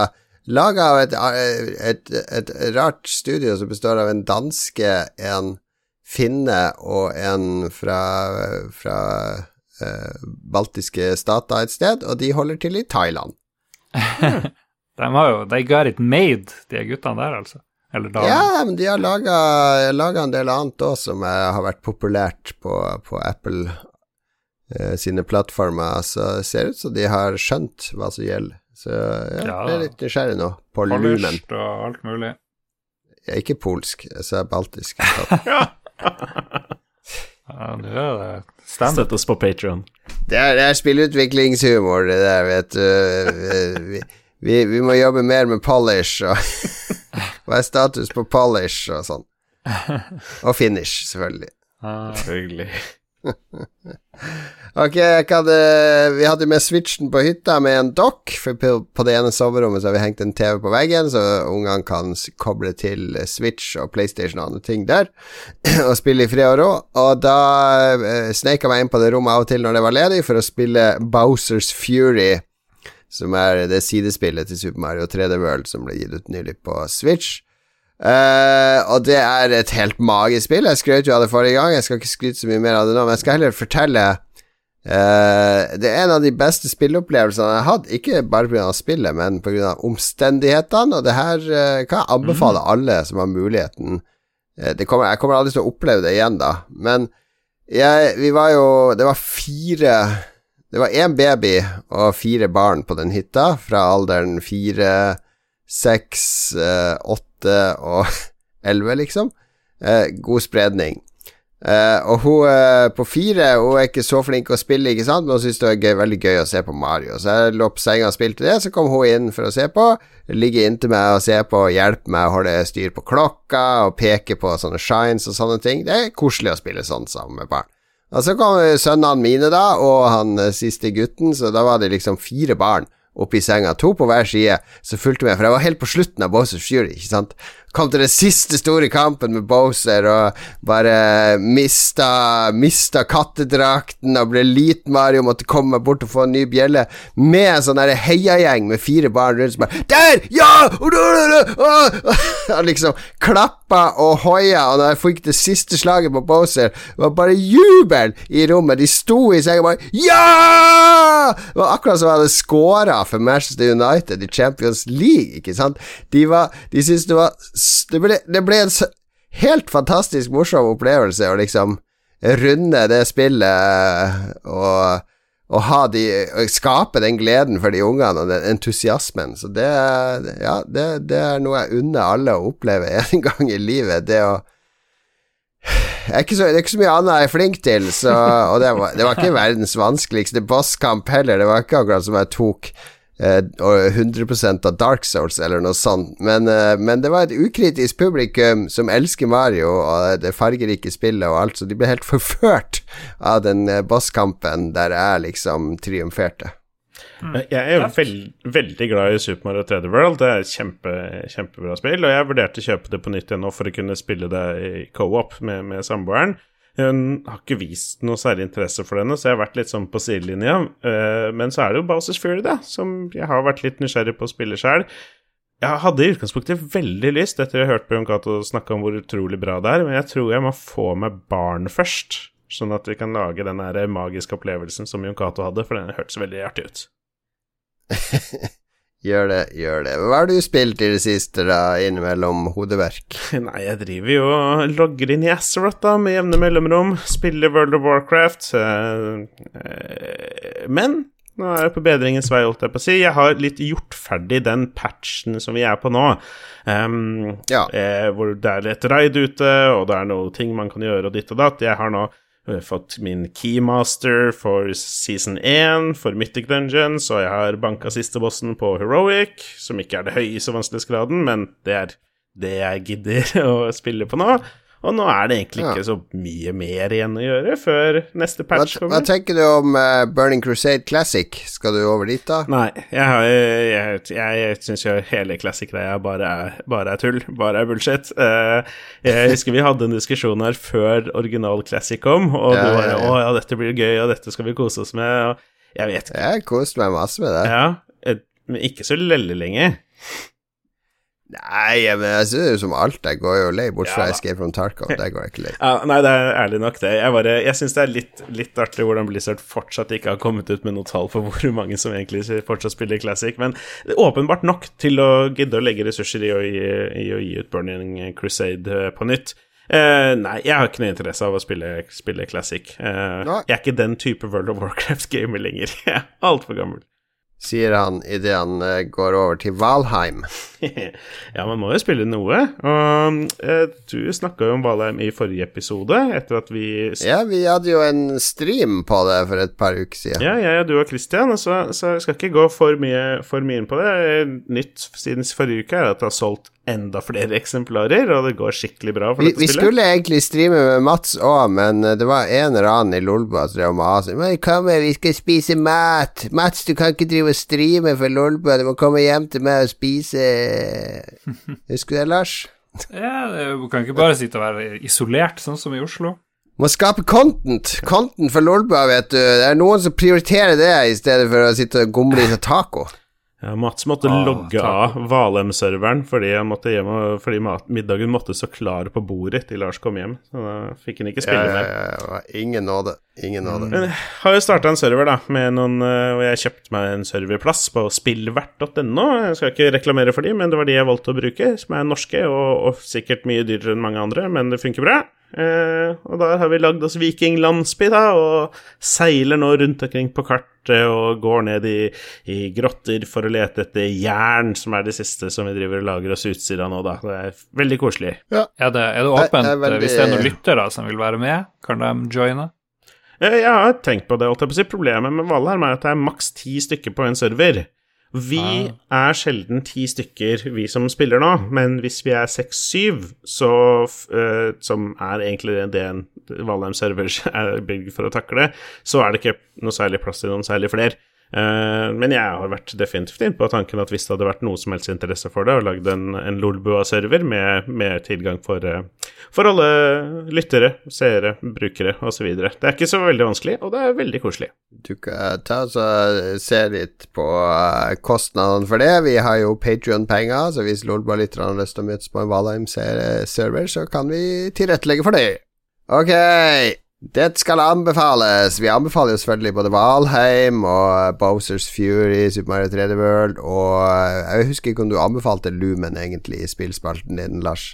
Nei, jeg advarte ikke mot det, i hvert fall. Men eh, ja, kjølig anbefaling. Det er det, er, det, er, det, er ren anbe det er den reneste anbefalinga du får fra Lars. Ja. Det er ikke drit. Anbefaling, da. Nå skal du anbefale noe helhjerta, Lars. Ja. Jeg ble eh, tilsendt masse klipp da, før jeg kom opp til Kautokeino. Da drev kjæresten og så på noe som het Morran og Tobias. Og det så ut som noe vulgære greier. Litt sånn der um, halvmorsom svensk sak, hvor det er en, en mann, kanskje rundt 40-50, som bor sammen med sin mor. Uh, begge spilt av menn. Og de er helt forferdelige, og de driver og gjør sånne rare ting. Og så kom han jo hit, og så ble jeg tvunget til å se film, filmen som kom for ikke så lenge siden. Den er på Netflix. 'Morran og Tobias' eh, på svensk heter den 'Som en skjenk från ovan'. Men det er bare å søke på 'Morran og Tobias'. Og det er utrolig artig. De er sånn, de mest degenererte menneskene jeg har sett noen gang. De har liksom alt, alt, kan ødelegges, alt kan være sunn, alt kan Det kan ligge 100 kilo fisk på gulvet, liksom. De, når de skal bake brød, så legger mora seg ned i badekaret der de driver og lager rører. Hun finner plutselig ut at hun vil ha Botox, og han driver og kverner opp noen av fisken de har liggende, så bare sprøyter det inn i leppen. Utrolig mye shabby og ekkel og disgusting greier, men han her Eh, Johan Reborg, som er moren, og han Robert Gustafsson, eh, som mange kjenner, er sønn. De er utrolig morsomme. De er helt fantastisk eh, morsomme. Og jeg anbefaler alle helhjerta å se. Dette her har jeg aldri sett den TV-serien. Jeg har vel fått det så vidt med meg at det eksisterer. Men den gikk på NRK, tror jeg, for lenge siden. Fins ikke nå. Aner ikke hvor man skal se den, men denne filmen åh, det, det, det, det, er strålende. Det er fantastisk. Ungen driver hele tida og bestiller ting på, på, nettet, så det kommer sånne pakker med rare ting. Han kjøper høytrykksspyler, så når huset skal vaskes, så er det høytrykksspyler overalt. Og ja Nei, det, det, er flott. Det, det, det, er en magisk film om eh, mor og sønn som har et anstrengt forhold, og kanskje en litt sånn rar bakhistorie som kommer frem i liksom det som tydeligvis er oppsummeringa av den TV-serien som jeg fikk litt lyst til å kikke på. Ja, TV-serien har jeg sett, den er veldig bra. Uh, jeg har ikke orka å se filmen. Ofte sånne filmer basert på TV-serier er ofte mm. litt uh, Litt Slitsomt? annerledes. Ja, de skal presse inn så mye, og skal det være en dramaturgi og sånn, for TV-serien er jo bare rent anarki. Hver episode er jo bare fullstendig kaos. Ja. ja nei, det er så, mye kaos her òg, det er mye forferdelige ting som skjer. Jeg fikk litt sånn vondt i hodet av å se det, men jeg klarte nå å holde ut. det, det Men de er jo fra han, Johan Reborg og Robert Gustafsson, de er jo De kommer fra Kyklinggjenget, som var de store svenske eh, unge komikerne på 90-tallet. Ironigenerasjonen som eh, naila svensk humor på 90-tallet, og blant annet lagde en helt fantastisk film som heter Fire, Fire nyanser av brunt, som er sånn fire forskjellige filmer i en film. Eh, som er en av de morsomste filmene som er laga. Og eh, spesielt Robert Gustafsson ble jo kjent gjennom Kiklinggjengen. Den 'Torsk på Tallinn', eh, lille kortfilmen òg, som du sikkert har sett, eh, Lars, om eh, ensomme svenske menn som skal dra på sånn her tur til Tallinn for å finne seg kone. Nei, jeg har ikke sett det. Den er What? Torsk ja. på Tallinn er jo noe av det mest mm. fantastiske som er laga av humor. Men Eh, mye av det de har laga, er bra. Mora og Tobias eh, får tommelen opp fra meg, så jeg skal nok Kona mi Det eh, verste kona mi vet på film, det er sånn der når folk mister mat, eller noe sånt, når det er sånn søl og gris og kaos. Eh, så at jeg tror det her eh, kommer til å by henne veldig imot, så jeg må vente til, til jeg har TV-en alene. Ja. Jeg titta bare veldig kjapt på en trailer eller noe sånt her, og jeg har mest lyst til å se det bare fordi han som spiller sønnen, ser jo eldre ut enn han som spiller mora, og bare den ironien syns jeg er kjempeartig. Ja, Ok, Moran og Tobias, uh, som det heter. På Netflix finner du filmen, og så er det en TV-serie et eller annet sted også. Jeg skal anbefale noe jeg lagde på hytta hver morgen, til stor suksess. Uh, jeg følger nå Gordon Ramsay sin oppskrift på scrambled eggs, eller eggerøre, som vi kaller det på norsk. Veldig enkelt å lage, og ofte når man lager eggerøre i sånn stekepanne og sånn så blir det litt sånn tørt og litt sånn kjedelig. Du tar det godt å spise sammen med laks, men det, det, er ikke så smakfullt som egentlig egg kan være. Så jeg har alltid følt at jeg har gjort noe galt når jeg lager eggerøre, og nå har jeg skjønt hva. Fordi Gordon Ramsay har tre egg i en kasserolle og en klump med smør. Setter på ganske sterk varme, lar det varme opp litt, og så tar du det av plata mens du står og visper hele tida med en slikkepott. Hold det av plata 20 sekunder, setter det på plata i 5-10 sekunder til, og så tar du det av plata. Fordi eh, kasserollen samler masse varme nok til å forme eggerøra, men har du den på plata hele tida, så blir det nesten med en gang for mye varme, så at det blir for tørt. Mm. Altså Etter dette begynner å se ut som eggerøre, så skal du ha i en halv spiseskje krem fresh, som du rører inn, og så er det salt og pepper og gjerne litt sånn dill eller noe sånt oppå. Må alltid krydre sist, ikke først, fordi krydderet også eh, forstyrrer utviklinga i smaken. Og Det tar fem minutter å lage, og det blir sånn skikkelig creamy, smakfull, klissete eggerøre. Det mest fantastiske eggerøret jeg smakte. Jeg lagde den tre dager på rad på hytta. Alle smakte, alle bare What? Hvordan har du laga så god eggerøre? Så god eggerøre klarer ikke jeg å lage. Hmm. Så Jeg er helt enig, den blir for, for tørr eh, stort sett, men jeg bare det jeg gjør, det bare å hive noe egg, piske lett sammen noe egg oppi Du skal ikke piske de sammen først, de skal Nei, piske sammen ja, når de varmes ja. opp. Ok, ja. men, men, så bare skraper jeg det litt rundt på plata til de er litt sånn guggy, og da er det jo ferdig. Du trenger ikke gjøre noe stort sett mye mer. ja, men jeg anbefaler alle til å gå på YouTube og søke på Scrambled Eggs Gordon Ramsay. Det er en video med 20 millioner views, eller noe sånt. Jeg skal lage en ny video. Fuck 20 millioner views. Ifølge Gordon Ramsay sjøl så har han, har han, sagt at uh, alle kokker i hele verden peker på den videoen når de skal vise den perfekte måten å lage scrambled eggs på. Selvfølgelig sier han, han det sjøl. Alle i verden ja, ser på min video. Men det er så enkel oppskrift at, uh, at det, Jeg har også prøvd hesten Blumenthal sin måte. Da skal du ha en sånn glassbolle over en kasserolle med vann sånn at bollen blir varma opp av hva, som blir styr. Ja, det var, det var typisk sånn hesten Blumenthal. Han skal gjøre det til et fysikkeksperiment i stedet for bare å lage maten. Men alle klarer å lage Gordon Ramsay sine scrambled eggs. Og nå er det korona, du sitter hjemme, du trenger å variere kostholdet litt. Prøv det. Du kommer ikke til å angre. Du kommer til å elske den eggerøra. Dette her, dette skal jeg gjøre. Jeg poster bilde bare for å bevise det. Dette skal jeg gjøre. Samboeren hun er glad i scrambled eggs, og jeg fikk masse kjeft her for et par uker siden når jeg lagde Når jeg ikke krydra uh, underveis i eggerøra. Jeg venta til slutten, ja, ja, ja. det Ja, Gordon Ramsay, enig med meg? Du skal gjøre det på slutten, og husk krem fresh, det er viktig. Det er eneste ekstra ingrediens du trenger. Smør og krem fresh. Cool. Det er det du, Filip. Mens du står på kjøkkenet og lager disse lekre eggerørerettene, så kan du svinge deg til noen noe ganske kul musikk som jeg, jeg oppdaga for ikke så veldig lenge siden. Det er ikke veldig nytt. Det er en, eh, en eh, duo som heter Sophie Tucker, som lager dance, EDM eller jungle pop, jeg har sett det omtalt men Jeg vet ikke helt hvordan man kategoriserer musikk for tida, men det er noe elektronisk musikk det er veldig funky eh, og kult, og ja. Eh, de har som sagt vært rundt en liten stund, eh, men eh, jeg har ikke lagt merke til dem før, eh, før, for ikke så lenge siden. Jeg vet ikke om det er noe dere har fått med dere i det hele tatt? Nei. Nei. Det har vært eh, nominert til noen Grammys i 2017, og i 2018 ga de ut et album som er Treehouse, som også ble nominert til en Grammy for Best Dance Electronic Album. Så det har åpenbart vært uh, Det er ikke helt uh, indie. Uh, bare jeg som ikke følger Men det er jo perfekt.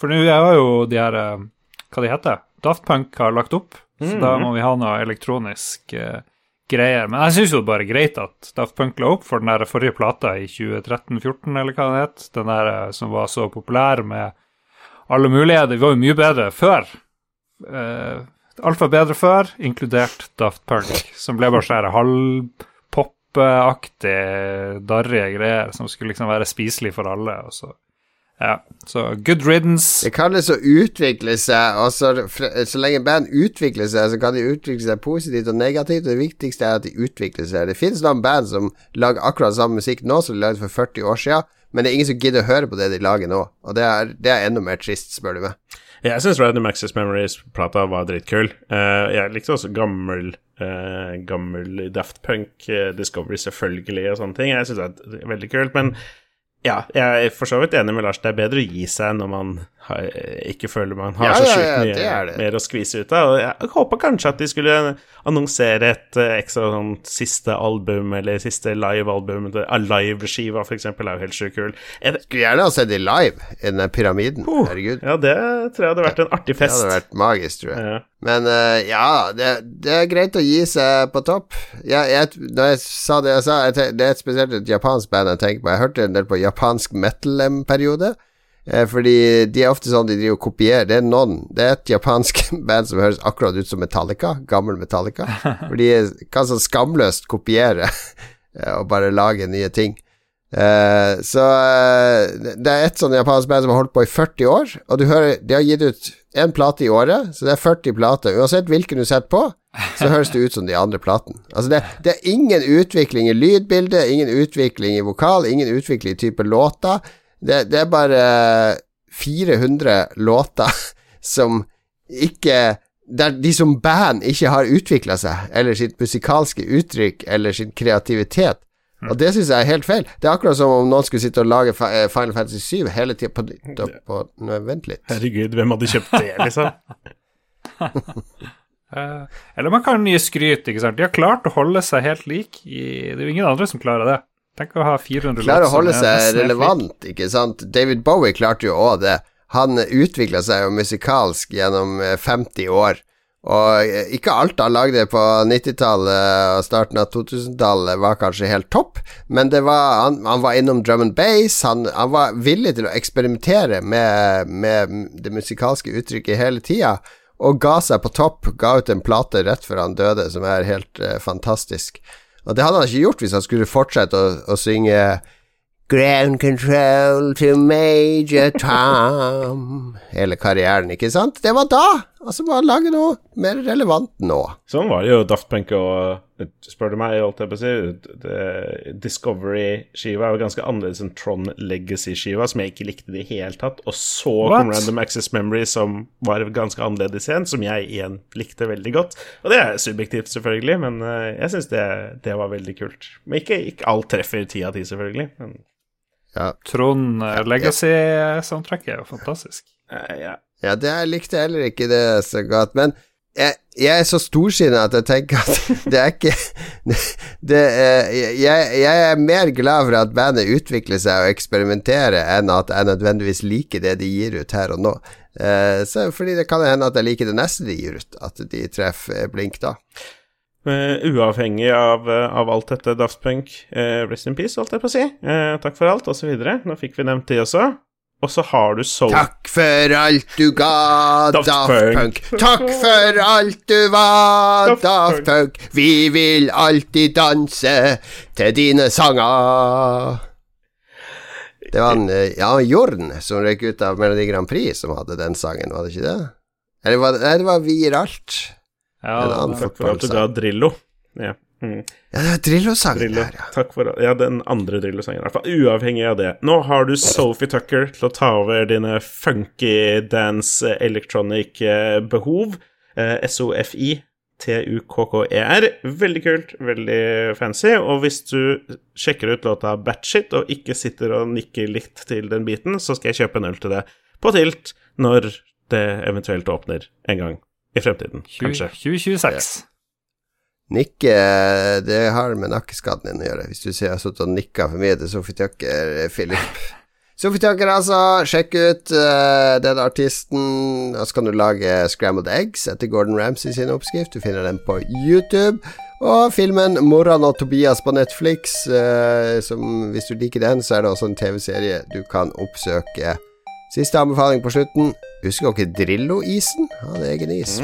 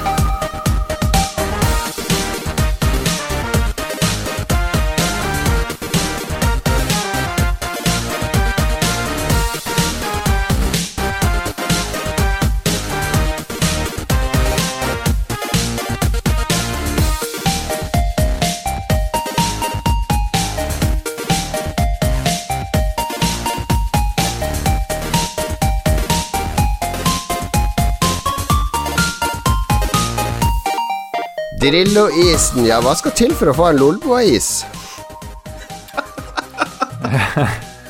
Ja, det høres ut som en ganske Det var så disgusting morsomt. Philip, det er et eh, Jeg vil ha den Run DMC-logoen, en sånn firkantig pinneis, svart, sjokolade, og så må det være noe rødt. Og det kommer jo til å se helt jævlig ut, fordi isa Hvis du har sett sånn klovneis og Kaptein Sabeltann-is som skal ligne på Kaptein Sabeltann Når du åpner papiret, så ser det jo ut som de der eh, nazistene i Indiana Jones og Raiders of the Lost Ark rett etter de har åpna den arken, og ansiktene deres smelter. De ser jo ikke ut som mennesker. Jeg har uh, den perfekte isen. Vi kaller den bare Lolbuas penis, og så sier det seg sjøl. Går det an å få laga en is? Er det eh, Det fins mikrobryggerier. Fins det mikroisprodusenter? Mikropenisprodusenter? Ja, nå snakker vi Mikropenis, der! Der har du isen vår. ja, jeg vil jeg, Neste gang vi har sceneshow, så vil jeg at vi skal ha en frysedisk der vi selger Lolbua-isen som uh, merch. Ja, det gjør seg ikke like godt som swappegave. Nei, det er litt vanskeligere. Men, uh, men å selge det på, på show Dette må, Hvis det er noen lyttere som vet, og det går an å få eh, produsert og designa en iskrem Jeg føler at det må på sånn rullebånd, at vi må antagelig ha 100 000 eksemplarer av den isen. Det kanskje ikke er så lett å bare få 200 Lolboa-iser. Men er det muligheter her? Vi lagde jo is i fysikken på videregående, husker jeg. Det må jo gå an på et eller annet vis. Nei, dette må vi finne ut av. Jeg ble tent på Lolbua is. Men lytterspalten, vi har den denne uka. Ja, jeg tok og nevnte at jeg er oppe i eh, hjertet av Sameland, så det kommer noen spørsmål om det. Ellers så er det litt random. Simen Rudiløkken, har vi fått spørsmål fra Rudiløkken? Jeg vet ikke. Hva ville vært et passende navn på en travhest hvis vi hadde en? Jeg syns det var et utrolig festlig, originalt spørsmål. Jeg, jeg kjører på med Fetthesten. Han har vi allerede hørt fra. Og Fetthesten kommer! Fetthesten går utom! Ja, det er sant, det. Jeg har jo pleid å kalle sånn som hesten i The Witcher, får du jo gi et navn. I Witcher 3, og jeg kalte den for Lars, jeg må innrømme det. Når det var liksom Jeg ble litt sånn glad. og jeg må rope på Lars. For nå Du har ridd Lars i mange timer. Ja, ja, ja. ja. Jeg ridder hardt. Bare begynner å miste helse så hardt som jeg rir det. Jeg tror, jeg tror jeg hadde holdt meg litt mer, litt mer til sånn klassiske klisjénavn. Jeg har jo et navn på Fantasy Premier League-laget mitt og sånne ting, som går inn i år etter år. Og det syns jeg passer på travesten min også. Latino Heat. Oh. Høres ikke Det er herlig sånn klisjé-travhestnavn også. Det- går Det er mange som Magnus eier hester. Sandstad Ja, okay. Og noen av oss eier hester? ja, eller det er mange som sånn rikinger. De kjøper seg en hest, og så får de andre til å ri den, og så tjener de inn penger, og så kan de selge sæden til hesten etter hvert. Hvis den er vellykka. Det er sånn Donald Duck-forenkling av virkeligheten. Jeg blir helt uh, satt ut. Ja. Visste at du bare kan gå opp på travbanen, og så sier du sånn Å nei, Nei, han har tatt ja, de bare kjøper en hest, Ja. og så betaler de fyr for å ri den, og så kommer det sæd ut av hesten, og så tjener de seg styrtrykk. Jeg, jeg har lest på internett, og det, det er sånn det skjer. Ja, ja, ja. Det er selvfølgelig forenkla, men det er basically Det, du har sett The Crown, vet du, med dronning Elisabeth driver med de hestene I would like a horse, please. Ja. Ok, Magnus Eide Sandstad spør deg, Lars, fins Mm. det samisk badetøy?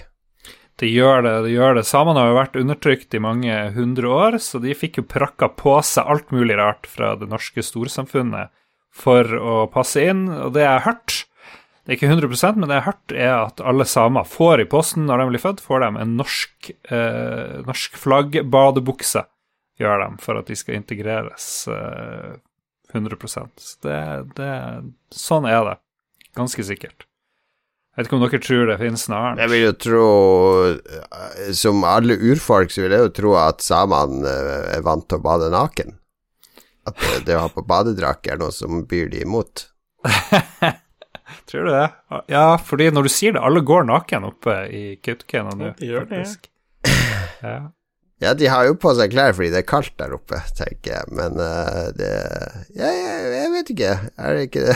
Det er jo naturlig. Det gjorde jo vi eh, alle i Norge for 500 år siden. De bada jo. Tok ikke på seg en liten badebukse når de skulle bade om sommeren, enten det var i Bergen eller i Trondheim eller i Harstad. Tror ikke Man du de jo naken skjemtes for 500 år siden. På, på badestranda der. Det var 200 mennesker, det er liksom fest, det er bading for 500 år siden. Tror du ikke de Det var jo noen som var Tror du ikke folk gikk rundt og solgte Fanta? Ikke sant? De, de, var jo, de skamma seg over kroppen sin da òg. Det gjorde de ja. Det som var litt kjedelig i gamle dager, var at man bada jo ikke av forlystelsens skyld. Det var jo fordi ok, nå er det litt varmt, og nå har jeg gått og svetta og blitt skitten i en måned uten å vaske av kroppen ordentlig, så nå kler jeg av meg alt, og så bader jeg, og så vasker jeg klærne mine samtidig. Det var jo rent prakt praktikalitet. Det var nok ikke sånn «Å, jeg må finne, å, jeg glemte badebuksa, jeg kan ikke bade i dag. Det, Så det du sier, at de bada med klærne på for å vaske klærne og seg selv samtidig? Jeg tror de tok de av seg, og så vaska de. Men her, vi trenger en, en antropolog som gjest som kan hjelpe oss med dette, om, de naken, om det var mer nakenbading i gamle dager. Ja. Var alle strender nudiststrender for 500 år siden? Det er mitt spørsmål. Jeg lurer på om det var han fyren som for og solgte ting på stranda uh, back in the days òg. Ja, røtter. Røtter her. Litt blåbær. Blåbær, blåbær. Lolbua-is. Ja, ja. Okay. Dra det tilbake Stian, til, eh, til virkeligheten. Stian Mæland han har spurt riktig mann når kommer vaksinen mot Final Fantasy 7? Den driver Square Enix og masseproduserer nå, for hvis ikke folk blir lei av Final Fantasy 7 med alt det de gulper ut nå, så vet ikke jeg. Jeg tror Stian Mæland ikke er noen Final Fantasy 7-fan, altså. Jeg tror det er noe der. Ja, ja. Tristan Tristan! Ikke vær trist, Tristan. Du Det er et helt masse- vanlig navn, Lars. Nå må du, må du ikke være så krampaktig på forsøk. Masse Ja. barnetraumer dukker opp nå hos Tristan Ersdal. Hvor bor det flest samer? Er det sant, eller er det bare en myte at det bor flest samer i Oslo? Og uten å ha sjekka noe som helst, tipper jeg det er flest samer i USA. De ble med på, på Jeg vet, de for jo bort for å, å ta med seg reinsdyr. Eh, at julenissen har reinsdyr, det er jo fordi nordmenn eller samer eller noe sånt tok med seg reinsdyr opp til USA. Og så ville de promotere samekjøtt eller reinsdyrkjøtt eller noe sånt. Så tror jeg de bare fikk en sånn deal med Coca-Cola eller noe sånn, og så plutselig så hadde nissen reinsdyr. Det, det, det her er fritt fra hukommelsen, men jeg tror jeg er inne på det. Nå ble jeg veldig tullete. Hvorfor skulle Det man ha lyst til å kjøpe tror- mer reinsdyrkjøtt fordi julenissen har reinsdyr? Jeg tror Hvis du googler det her nå, som du sikkert gjør, Cato, er jeg 90, 19 sikker på at det her er sant. Ja, ja, men han lurte på hvor det bodde flest samer i Norge. Ja, Det er jo mye mindre interessant enn Coca-Cola og reinsdyr. Ja, men Kan du svare på det? Det er et enkelt spørsmål. Jeg har vært på nachspiel med samer, tilfeldige samer i Oslo. Det har jeg, så jeg kan bekrefte at det bor samer i Oslo. Det gjør det. Ja. Han ene heter Anti, og jeg husker ikke hva de heter. Ja, nei, men mitt første svar var at det bor flest samer i USA. Det er jo det jeg tror. Fordi de tar seg De jobber alle for Coca-Cola. Ok. Ja, neste spørsmål. Hva er dine tanker om mars 2021, Lars? Lurer han Carl eh, Mamilic Pedersen på. Tenk om Mars 2021. Tenk på planeten Mars, eller er det en film? Mars 2021. Det, det, dette er sånn standup Come standup amateur over. Dette Jeg skulle ønske jeg ikke syntes det var gøy. er det Finnmarkshumoren som er kommet inn her. Jeg prøver jo, i motsetning til andre, å være underholdende. Så blir jeg bare motarbeida i alle Det er, det er 1. mars nå i dag vi spiller inn det her. Hva slags tanker har vi om mars? Hva slags forventninger har vi? Mine forventninger er at jeg kommer til å sitte inne i hele mars. Jeg kommer ikke til å møte en kjeft, jeg ikke spille noe brettspill, ikke gjøre noe som helst. Kanskje børste støvet av DJ-utstyret og kjøre en stream en helg. Det tror jeg nesten jeg skal gjøre, uh, hvis folk syns det er lystig og artig. Eh, gleder meg veldig til denne uka, fordi da har vi spillrevyen stream på torsdag. Vi, jeg og Lars skal jo være Du, du bør jaggu lage bedre åpningsmonolog enn det der eh, du har lira av deg nå de siste ti minuttene. Stand up comedian, yeah, yeah, yeah. Jeg gleder meg til vi skal ha stream eh, da, og så eh, er det jo mye som skjer på jobb òg, så jeg har nok av ting å holde på med. Men eh, ja, jeg tror det blir en, nok en statisk måned. Ja, hva skal du gjøre da, Lars? Hva jeg skal gjøre? Nei, jeg skal nå holde meg langt unna Harstad, jeg håper. Kanskje jeg blir Kanskje jeg bare flytter til Finnmark. Skal produsere samisk badetøy. Skal jeg gjøre i mars 2021. Uh, Philip? Jeg håper i utgangspunktet at mars 2021 ikke blir så lang. At den ikke føles så lang, i hvert fall, for det kommer til å bli dritt. Men uh, ja, jeg skal også vi, Forhåpentligvis mer aktivitet på twitch.tv slash lolbo, i hvert fall. Det nevnte som, som dere nevnte spillprisen, som skjer nå på, på, torsdag. Før det skal jeg være med å produsere Nordic Game Awards, som skjer samme kveld, bare litt tidligere. Det kan de som hører på nå, faktisk sjekke ut. Uh, ja, det, er, det er mm. Nordic Game Discovery Contest. Nordic Game Discovery Contest, ja. ja. Beklager, ja. beklager. Uh, og utover det så tror jeg mars er måneden for å spille Final Fantasy 7-originalen igjen på for første gang i 2021. Så det gleder jeg meg til. Uh, vi, vi, begynner å bli klar til en ny Final Fantasy 7-stream, tror jeg. Kanskje 24 timer denne gangen. Det, ja. En årlig okay. ikke, Det er ikke for mye å be om en årlig 24-timers-stream, vel? Nei, nei, nei. Uh, Jone Skjørvestad, spill vi gleder oss til. Hva er dem? Han ser frem til Evil Genius 2. Og Evil Genius 1 handler jo om en, uh, et ungt geni som er ondt i tillegg, og han finner opp sånne torturredskaper. Veldig berømt og spennende spill. Uh, er det det, eller bare dikter du opp nå?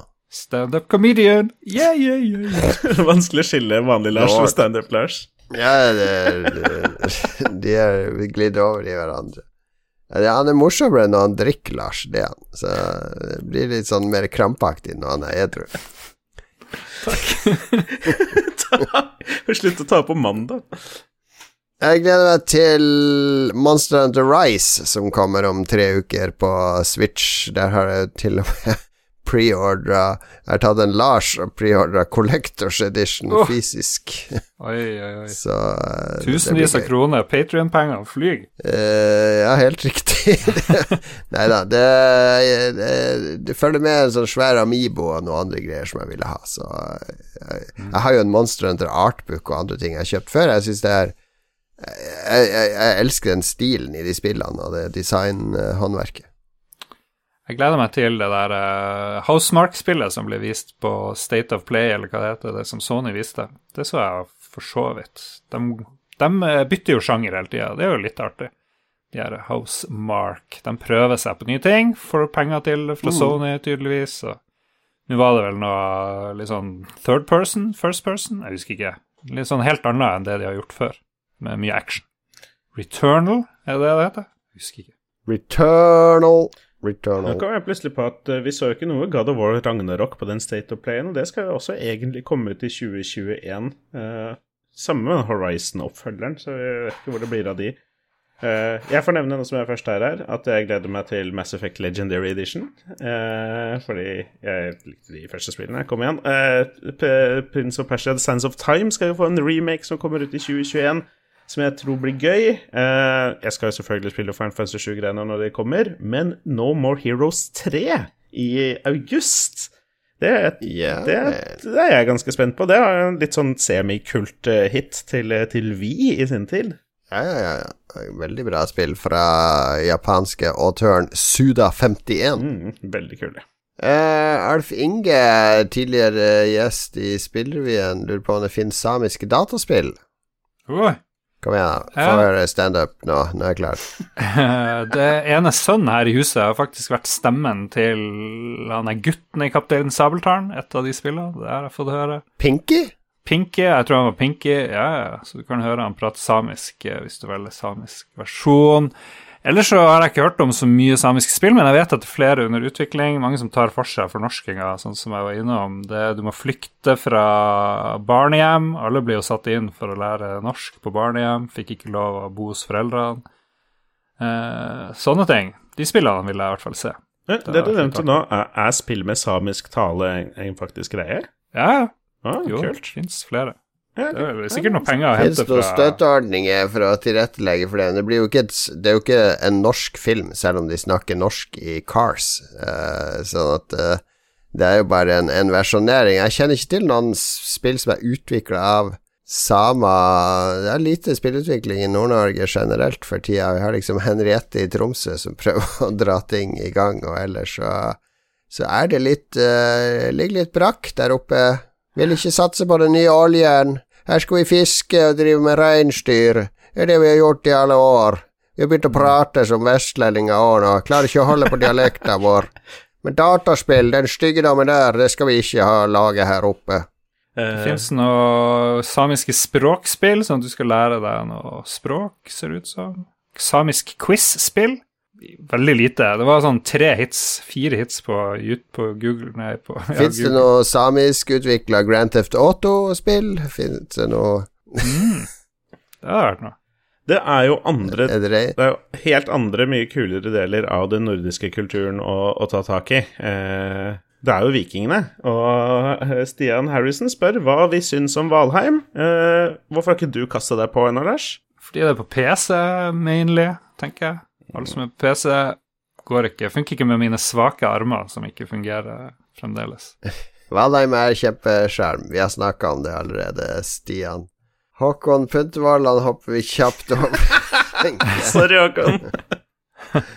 Vi det er nok Final Fantasy 7 nå. Vi trenger ikke mer Final Fantasy 7. Sorry, Håkon. Frode Oppsal, hvordan kan dere, i hvert fall én uttalt en av dere, han Patrion-magneten med petroleumsfetisj, mene at Shagma, eh, altså TV-serien Arcadia, Reisen til jordens indre, den franske, ikke har tålt tidens tann? Det er uhørt. Jeg gidder ikke engang å påpeke ironien. Ja, vi liker vel mye annet gammel drit. Har du sett den, uh, Philip? Nei, det har jeg ikke sett. Hmm. Det var en magisk serie, mye fordi det hadde to veldig gode melodier. Tittelmelodien, og så hver, i hver episode så kom det noen pirater, og da kom en sånn fransk sang Men var det bra bleu. å få de samme sangene hele tida, bare for å hale ut tida i de her episodene? Det var jo bare Ja, men vet du hva som var bra med, med Shagma og, og barne-TV-tingene vi så på den tida, Lars? Det var at vi ble eksponert for mye forskjellig. Vi så franske serier, vi så eh, belgiske serier, vi så serier fra Jugoslavia. Vi så Jon Blund, som er fra østblokk, eh, kjøpt fra Romania, eller hvor det var. Så at vi Og samiske serier. Ante, Ja, det- gutten ute på vidda. Ante, for eksempel. Så ungene i dag, de ser bare Pixar og Disney og, og masseprodusert kapitalistisk drit som de tyter ørene og hjernene sine fulle av. Så ja, om det holder den samme kvaliteten i dag, det gjør det kanskje ikke, men jeg følte at det var en selv om vi hadde bare én kanal, så var det en bredde i barneunderholdningstilbudet vårt. Eh, og, og når det kom Donald-tegnefilm, eller Mickey Mouse-tegnefilm, det var jo julaften. Det var jo det. Det var jo rosin i pølsa når det kom en Disney-kortfilm eh, som en del av barne-TV. Da var vi så glad, det var så kult, ikke sant? Så man må ha litt uh, Man har variasjon, det føler jeg. Så ja, jeg syns den holder seg fortsatt. Eh, barna har godt av å se Shagma i dag. Mm. Joakim Strandberg, når kommer remaken av Far Cry 4, og hvorfor er den ikke lansert enda? Hva skjer med Far Cry 6, og blir det jaktsprøyter som i fireren og femmeren? Jeg må innrømme at eneste Far Cry jeg likte, var den der eh, 80-talls-remaken med Michael Bean, eller hva det var som hadde stemmen, og det var sånn der eh, rosa og ditt og datt, og teknodinosaurer eller et eller annet. Det syns jeg var artig. Jeg hater Far Cry, men jeg, jeg tror jeg Joakim og Frode og sånn, de er mobilisert av rage quits for å Det er noe sånn internhumor her, så de Ja. sitter og Nå sitter Dag Thomas og Christian og Ståle og fniser høyt Og, de, de spilte de spørsmålene! Nå renner det lite. Ok, hør Rage Quit. Neste spørsmål. Neste spørsmål, og siste for denne uka, kommer fra Konvar. Dette her er litt interessant igjen. Du må høre på én sang i sin helhet spilles på repeat hele din arbeidsdag i tre måneder. Og du er den i den heldige posisjonen å få velge hvilken sang som blir avspilt. Hvilken sang velger du? Og mens jeg tenker, så nevner han at basert på egen erfaring, da han fikk høre Eagles med Hotel California, spilt av under testing av lydanlegget på bygginga av de to nye hurtigrutene. Welcome to the Hotel California. Så verst valg, da, hvis du først skal ha en. What a lovely place. Jeg tror Jon Cato, du ville valgt uh, 'Wannabe' av Spice Girls. Det er mitt hete tips. Nei, det tror jeg ikke. Du hadde jo På repeat. Jeg hadde valgt en av de aller roligste minimalistiske Biosphere-låtene, for da blir, er det bare et sånn der svakt lydteppe i bakgrunnen hele tida. Som du Det blir akkurat som å gjøre, sitte ved siden av trikkeskinnet, eller bo ved siden av trikkeskinnet. Du, du hører den ikke etter hvert. Ah. Jeg hadde valgt Jeg trenger ikke eh, noe Ja. Ja, hun, eh, Kate Bush lagde en 40 minutter lang sang eh, på en dobbelplate. Det var bare ett spor, én lang sang. Jeg føler at det er innafor. Og den er variert, flott, helt topp. Jeg hadde gått for Kate Bush. Det var den lang versjon av uh, Running Up That Hill. Running Up Mount Everest. Nei, den heter Aria. Aria Det er, eller- det er standup. Det er standup. Ja. Nei, men det hadde jeg gått for. Ellers hadde det blitt Spice Girls, tror jeg. Wanna. If you wanna be my lover, get it with my friends. Klassisk låt, da. Å nei, nå fikk jeg bare lyst til å Here's a story from A to say. You wanna get with me, you better listen carefully. Yeah. Um, jeg hadde gått for det hyperintellektuelle valget John Cage sin 433. For de som ikke kjenner til det, John Cage var en veldig eh, eksperimentell eh, komponist som lagde veldig eksperimentell musikk, blant annet et stykke hvor han tok et piano, kjørte det inn i en vegg, og det var det. Var det. det var låta, liksom. Eh, 433 er en låt som eh, kun kan spilles live. Den går ut på at han, eller pianisten, hva som helst, går ut, setter seg ned ved pianoet, og så teller Og så gjør den ingenting i 4 minutter og 33 sekunder, og den eneste Det som er musikken, det som er lyden, det er den lyden publikum lager i disse fire og et halvt minuttene mens de venter på at han skal begynne å spille. Dette er en kunstner som har fått to millioner i tilskudd for å lage eh, en meget eksperimentell eh, låt til åpning av et eller annet, og så drukket og snorta bort de pengene kvelden før. Eh, full fest, fyllenerver dagen etter, hva faen skal jeg gjøre, hva faen skal jeg gjøre? Sitte ved det pianoet og så bare eh, Ja, det, var, det her er planen min, ja. Ja. Heldigvis så likte, det, likte folk sånn på midten av 1900-tallet, I guess. Men hvis jeg måtte gått for en ordentlig låt, hadde jeg valgt Seal. 'Kiss from a Rose' fra Batman-soundtracket. Skal høre på den hver dag! Ja. Jesus lord. Baby!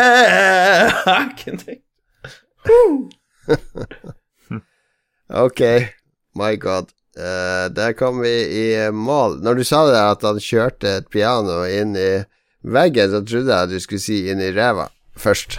Men det sånn som skjer når vi bikker halvannen time innspilling, da begynner hjernen min å smelte. Og så blir jeg sånn desperat etter noe å fnise av. Har, Så det passer bra å avslutte nå. jeg har eh, nevnt i, i chatten vår her hvis hvis, hvilket spill jeg vil nominere til spillklubben. Ja, ja. Hvis vi kan eh, dra det med i episoden her. Eh, jeg eh, lytter til folket, som eh, vi er- alle er vant til. Og folket har foreslått litt spill, og et av de spillene som kom opp på Discord i Spillklubben-kanalen eh, Bare ta på Discord, masse bra diskusjoner der. Det er et spill som heter Inside, som er fra 2016. Um, Dansk spill. dansk spill. Uh, play Hva er det for noe? Play Play, Play Dead. Dead. Dead. Play Dead, ja. Um, det som er veldig artig med, med dette spillet her, er at det kommer fra, eh, fra samme utviklerne som lagde Limbo. Og Limbo er et skikkelig, skikkelig kult spill, som veldig mange av oss har spilt. eh, som også ble foreslått til spillklubben. Eh, men siden de fleste av oss har spilt det, så tenkte jeg det hadde vært kult å sjekke ut oppfølgeren, som eh, eh, som da også ikke skal være sånn et veldig langt uh, avansert spill. Og sikkert mulig å få tak i for ikke, ikke veldig, veldig dyre prisen. Inside, altså fra 2016. Mm, Det skal vi spille til neste gang. Hva sier du, Lars? Nei, sa det er ikke så langt. Det er ikke det lengste spillet, så det passer for så vidt bra. Ja. Eh, kritikerrost. Sikkert mange som burde Veldig. prøve det. Kritikerrosk dansk spill Inside. Inside. Inside. Inside, Inside computeren. Ok, nå er vi på standup. Smittet over. Det er bra. Smitta over. Ok, Lolbua, lollen i Lolbua, den kommer stadig til utslag med høylytt latter og morsomme spøker her i sendinga, men nå er det slutt. Vi er helt ved veis ende. Vi må takke våre patrons, Philip. Det eh, må vi, eh, og da takker vi i riktig rekkefølge. TTMXMP, Kobrakar84, Duke Jarlsberg, Anne Beth, Jarle Pedersen, Stian Skjerven og Thomas Holmedal. Alle disse er da produsenter på vår Patrion, og du finner oss på patrion.com slash lolbua. Eh, så syns jeg altså vi skal takke eh, han som har laga jingler for spillrevyen, Lars. Martin Herfjord, kjernekar, driver og lager nye jingler eh, etter hvert. Det, det, blir alle å digge. Ja. Og så må jeg takke uh, vår klipper. Ja. Tore et eller annet. Tore Johansen, tror jeg. Valiante. Ny klipper, ny mann. Vi er jo på kikk, utkikk etter flere klippere. Det er ikke bestandig Valiante tror jeg kan klippe, men han har nå trådd til. Han brukte en million timer i forrige uke på å klippe forrige Lolbua. Takk for innsatsen. Klipping er ikke, det er ikke bare bare hvis du liksom skal dykke inn i materien og, og finslipe alt. Du kan bruke 40 timer på det, liksom. Det er jo begrensa hvor mye vits det er å bruke 40 timer på den bæsjen som vi klarer å presse ut av kjeften vår i løpet av to timer. Så, så eh, Men veldig bra klipt. Jeg har sjekka ut forrige episode, Tore, og godt jobba. Meget bra. Takk for at du er med på laget. Så må jeg selvfølgelig takke alle som hører på, og ja, alle i hele Norge, da, bortsett fra eh, de i Molde. De kan ta seg en bolle. Eh, hør på Gjedda og Likos univers. I forrige episode så hørte lista de sine favorittfilmer fra 2003. Et forferdelig dårlig konsept. Eh, ikke årets største filmår 2003, men de er jo veldig koselige å høre på. Og så fins jo Ragequit òg, som driver og prøver å lure oss. Ikke like koselig, Nei, ikke like, like koselig, men, uh, men, du kan høre på de òg, hvis du vil. Ta Gjenta en siste gang, da. Twitch og TV slash Lolba. Torsdag. Yes. Torsdag eh, fra 18.00 ca. så kommer det til å være action der. Eh, prisutdeling, spillprisen fra 20.00. Takk for oss. Ha det bra.